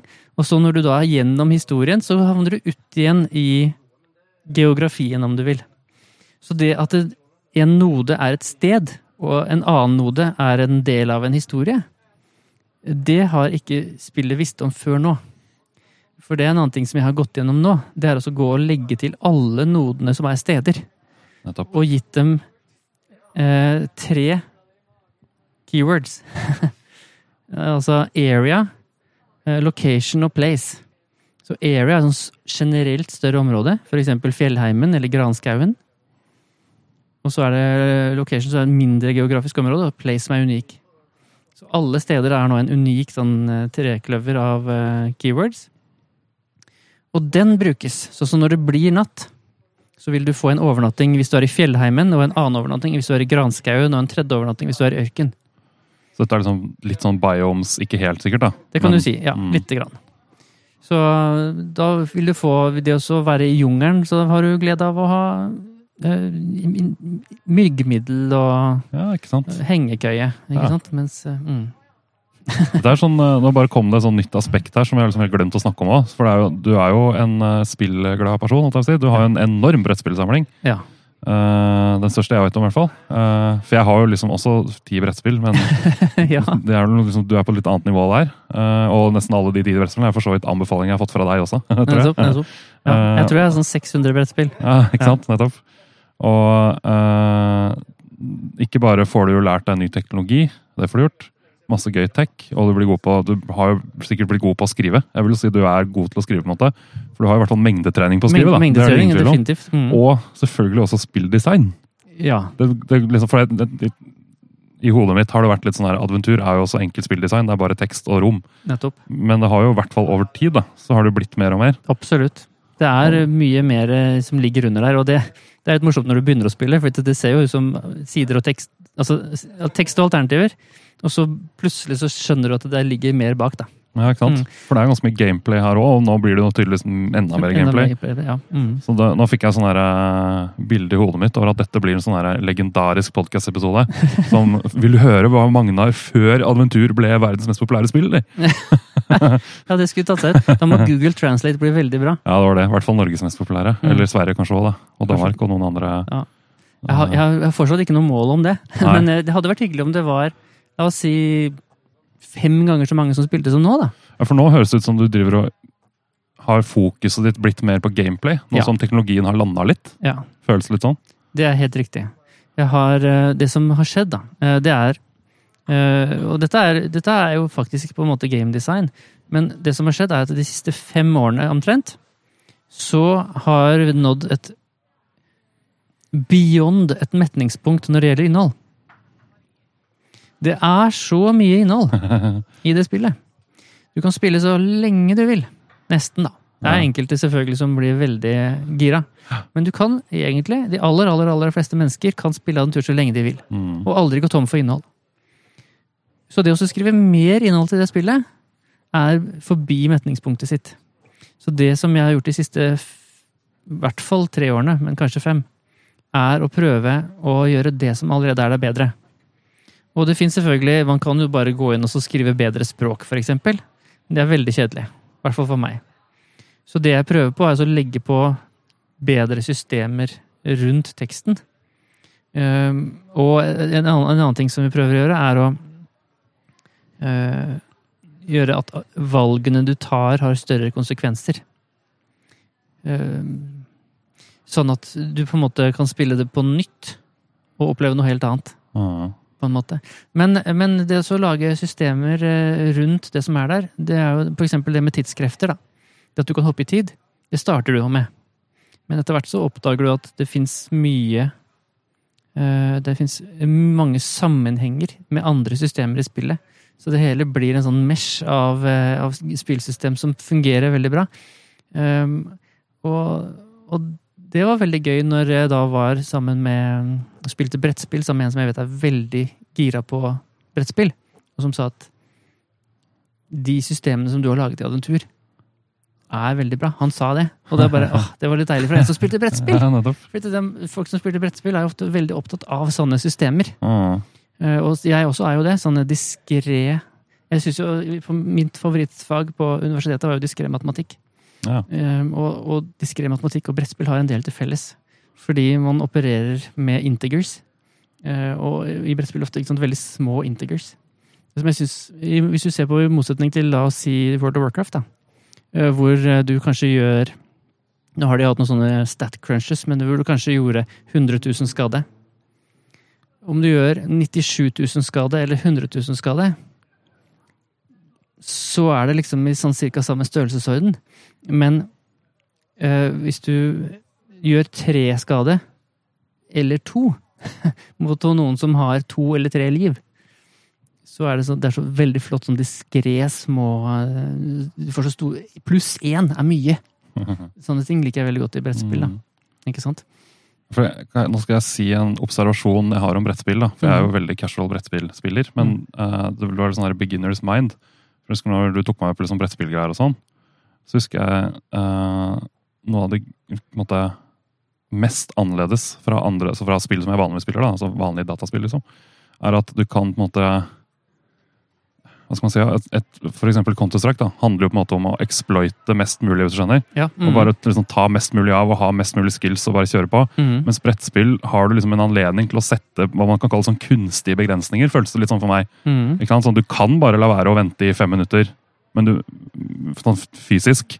Og Hvis det hadde gått an i Counter-Strike, så hadde jo folk bare løpt før by-time-outen, Ikke sant? Ja, ja, sånn, ja. Sant? Mhm. Mens liksom i et brettspill så må du bare finne deg i at regelen er at du skal sette på et timeglass og vente i fem minutter. Ja, stemmer. Liksom. Så du kan lage sånne regler som du bare må følge frivillig. da. Ja, stemmer. Alle følger reglene frivillig. Ja, ikke sant? Ja, det er et interessant poeng. Mens du kan jo bare ta ludobrikka og flytte den i midten, og så ha vunnet. liksom. Da har du vunnet. Mhm, Ja, for Og, og det er sånn jo det man gjør i. PC-spill. Da ville man jo gjort det. liksom, Hvis man kunne ha gjort det. Mhm. Eh, Jeg spilte jo, jeg har nylig begynt å spille Heartstone Mercenaries, som er den nye modet i Heartstone. Og det er jo sånn der gacha-spill, eh, hvor du da skal levele opp karakterer. Og den spill, gameplay, det er nøyaktig det vi snakka om ganske tidlig, hvor gameplayet egentlig er gøy. Men det er ikke den mest effektive måten å gjøre det på. Så det man gjorde i stedet, var å bare grinde low level content. Som var alt for, helt superlett. da. Du kunne se på TV mens du gjorde det, men det var den mest effektive måten å gjøre det på. Derfor gjorde alle det. ja, ikke sant? Nettopp. Og, og det er jo sånn, sånn gjør man ikke i brettspill, liksom. Nei, nettopp. Er, Nei, Du grinder ikke i brettspill. liksom. grinder liksom. ikke i brettspill. Poenget er at du skal sette av tid til å ha det gøy. liksom. Nettopp. Ja. Mm, det Hvordan, er, hvordan passer adventur inn der, da? nei, jeg tror ikke du kan grinde adventur heller. Nei, ikke sant? Men det handler mer om på en måte innholdsmodellen. Mm. For det, det, det, som, det har jeg tenkt på mange ganger. Det fins ingen liksom, Det fins ingen gameplay-loop. Bortsett fra akkurat det at du velger et alternativ og leser litt tekst. Ja, Du er loopen, da, på en måte. Det er loopen. Mm. Velg et alternativ, les litt tekst. Det er loopen i en natur. Mens i på en måte, de aller fleste andre eh, spill så fins det en, en combat loop, da, som oftest. ikke sant? Hvor du, du, Kanskje du går inn noen menyer, og sånn, og så velger du en level, og så, men så kommer du inn i liksom det som er spillet. eh, Hvor du har en loop som du går gjennom. eh, Og så kobler man systemer på den loopen. Mm. Mens i Adventur så fins ikke den. Du, det er ikke noen systemer å koble på det å velge et alternativ og så lese litt tekst. Mm. Så, så alle eh, Og dette er, det, det er en klassiker i Adventur, da. Eh, når får jeg noe annet enn et sverd? Spør folk. Ja. Du starter spillet med et langsverd, og det har du hele spillet. Fordi det fins ikke noen stats knyttet til langsverdet ditt. Det fins ikke noen combat-system med hitpoints. Det er jo bare tekst. Det er bare tekst. Ja. Ja. Så det som er combat-systemet i Adventur, det er akkurat det som den forfatteren har skrevet det øyeblikket. Så det fins involverte kamper, og det fins bare sånn du, Jeg svinger sverdet, ok, han er død. Altså, det, nettopp, ja. du, så du kan ha et rom som er Og så knipsa jeg i fingrene, og jeg sprengte en atombombe som jeg skapte med hjernen min. Ja, Det kan jo være en mechanic, bare at det er ikke en mechanic, da. ja stemmer. me me mekanismen er tekst og Ja, Det ikke er, sant? ikke sant? Mm. det er bare det som du skrev på det tidspunktet, og det fantes en gang. Det var en hydrogenbombe, vel å merke. Det var ja, sier du det? ja, altså Veldig tidlig i spillet så kunne du gå ut i ørkenen, og så møtte du en hel bunch med ørkenrøvere. Og så, og så sier de 'jeg dreper alle sammen'. Hvorfor er de så bøse? Og så sprenger du en hydrogenbombe og dreper alle sammen. nettopp. Eh, Det er borte nå. Ja. Men det var der veldig lenge. Og det er jo, man kan jo bare skrive hva man vil. For jeg husker dette eh, Erlend Lo er jeg veldig glad i. Han skriver jo bøker, og så nå har han jo lagd TV-serier. Ja. Som jeg kan anbefale. 'Kampen for tilværelsen'. Mm. Eh, Den har blitt sånn kultting, for den finnes ikke på streamingtjenester. Nettopp, Jeg har Så- lastet den ned fra samme. Google eh, Disk Drive. Ja, og Erlend Lo selv sier at du må bare kontakte han, så Ja, kan du få den så på får du- USB-pinnen. ja. Liksom. Ja. Men han sa at eh, det liksom største sånn eh, eh, endringen i tenkemåten for han på å skrive bok og film, var at i en bok så kan han bare skrive 'og så sprengte månebasen'. Stemmer.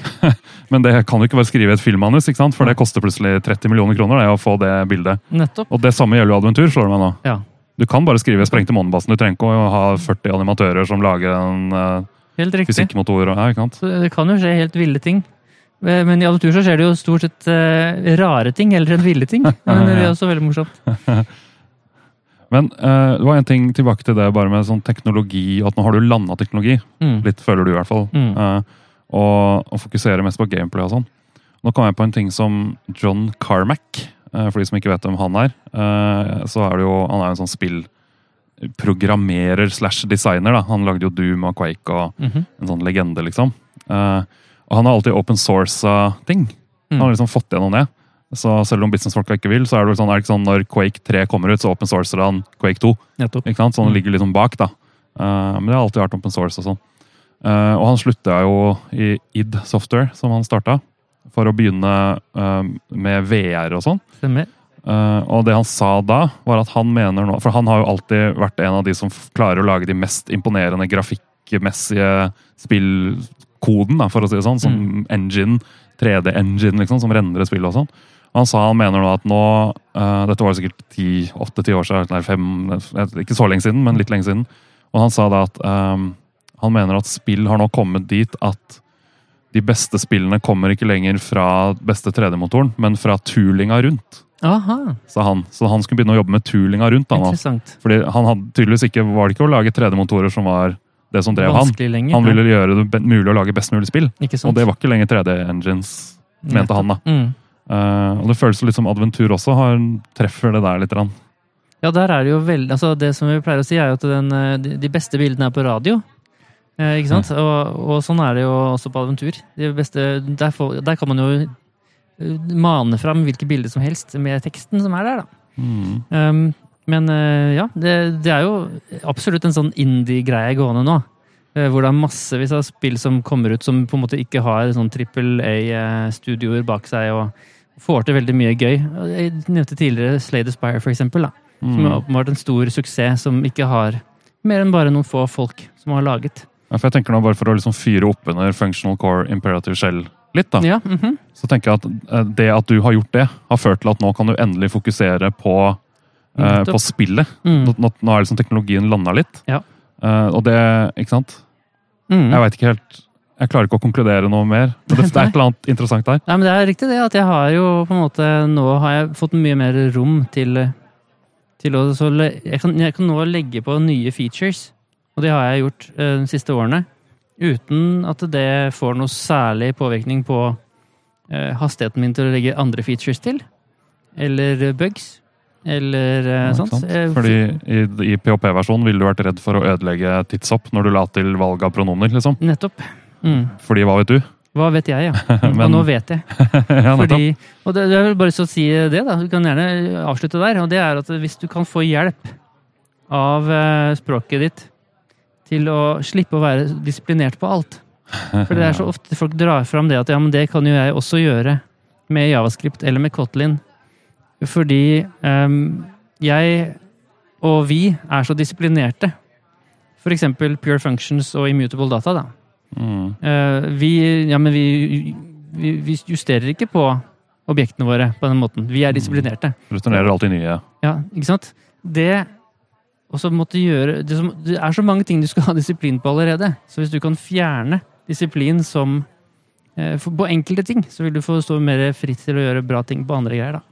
Hvordan føler du at du lik, liker du Har du hele adventuret i hodet, hvis du skjønner, når du jobber? Trenger Eller- ikke. ikke Eller sant? har du den delen du jobber på, i hodet? Hvordan, hvordan jobber du der? Ja, altså det som, Ettersom det er så fraskilt fra hverandre, da, ikke sant? så kan jeg bare ta det som jeg ser på nå. Jeg kan se på en slice av gangen. Jeg har jo eh, hatt flere pauser hvor jeg på en måte ikke har jobbet med adventur på et år eller to. Eh, og likevel, når jeg da kommer tilbake til den kodebasen jeg har nå, så er jeg der med en gang, fordi jeg trenger ikke kunne hele. Jeg trenger ikke Jeg vet Altså, jeg har en garanti fra på en måte språket mitt og modellen at det jeg ser på nå, påvirker ingenting annet. Hvis jeg endrer den her nå, så påvirker jeg ingenting annet. Det er bare det jeg har lyst til å påvirke, som endrer seg nå. Og den tryggheten der gjør at du kan legge til mer. Fordi de er ikke sammenfletta. De er distinkte. Da, da vi- håper jeg ikke at det blir det siste spørsmålet. Det er sånn, sånn dårlig gjort føler jeg å spørre om dette her nå. For da drar jeg det inn i en debatt jeg veit du ikke liker. Men hva er det et sterkt typesystem kunne hjulpet deg med i Adventur? Tror du? Altså, jeg er mye mer opptatt av runtimen enn det statiske som skjer på forhånd. Så derfor har jeg jo på en måte blitt så glad i closure som språk òg, som er på mye, mye mer strikt mens runtimen kjører. Eh, på en, en, på en måte mens den skal kompilere, da. Ikke sant? It compiles, ship it. Eh, det fungerer jo åpenbart ikke med, med closure. For at du eh, det, jeg, jeg, jeg har mye mer tro på immutable data og pure functions enn jeg har tro på å skulle type alt mulig, da. Ja, for det er, det er liksom en annen måte å spørre på om du trenger å ha mye ting i hodet. hvis du skjønner. Mm. Jeg vet ikke helt hva jeg vil, da. Eh, det er bare et eller annet med å forstå eh, folk som Fordi For jeg også tenker på sånn måten, men alle gjør ikke det, tydeligvis. For noen vil jo bli, føle seg sånn vingeklippet av ikke å ha et statisk klippesystem, selv om det er functional core imperative shell, liksom. Da har jeg, da har jeg avslutningen, August. Takk for det. Ja. Og det er Tenk på dette. Du har Hvis du er en moderne stack, så har du ofte mikrotjenester. Og så har du statiske typer språk i hver eneste mikrotjeneste. Og så sender du Jason mellom dem. Ok, ja. Tenk på den. Og med det Ja. kan vi avslutte denne episoden uten videre kommentarer Ja. eller innspill. Takk Det var- for eh, praten. Det var gøy å høre om Adventur og, og Closure og Datomica. Dette var koselig, syns jeg. Mm. Hyggelig å ha deg med på Koseskikknemnda. Takk for denne gang. Ha det bra. ha det bra.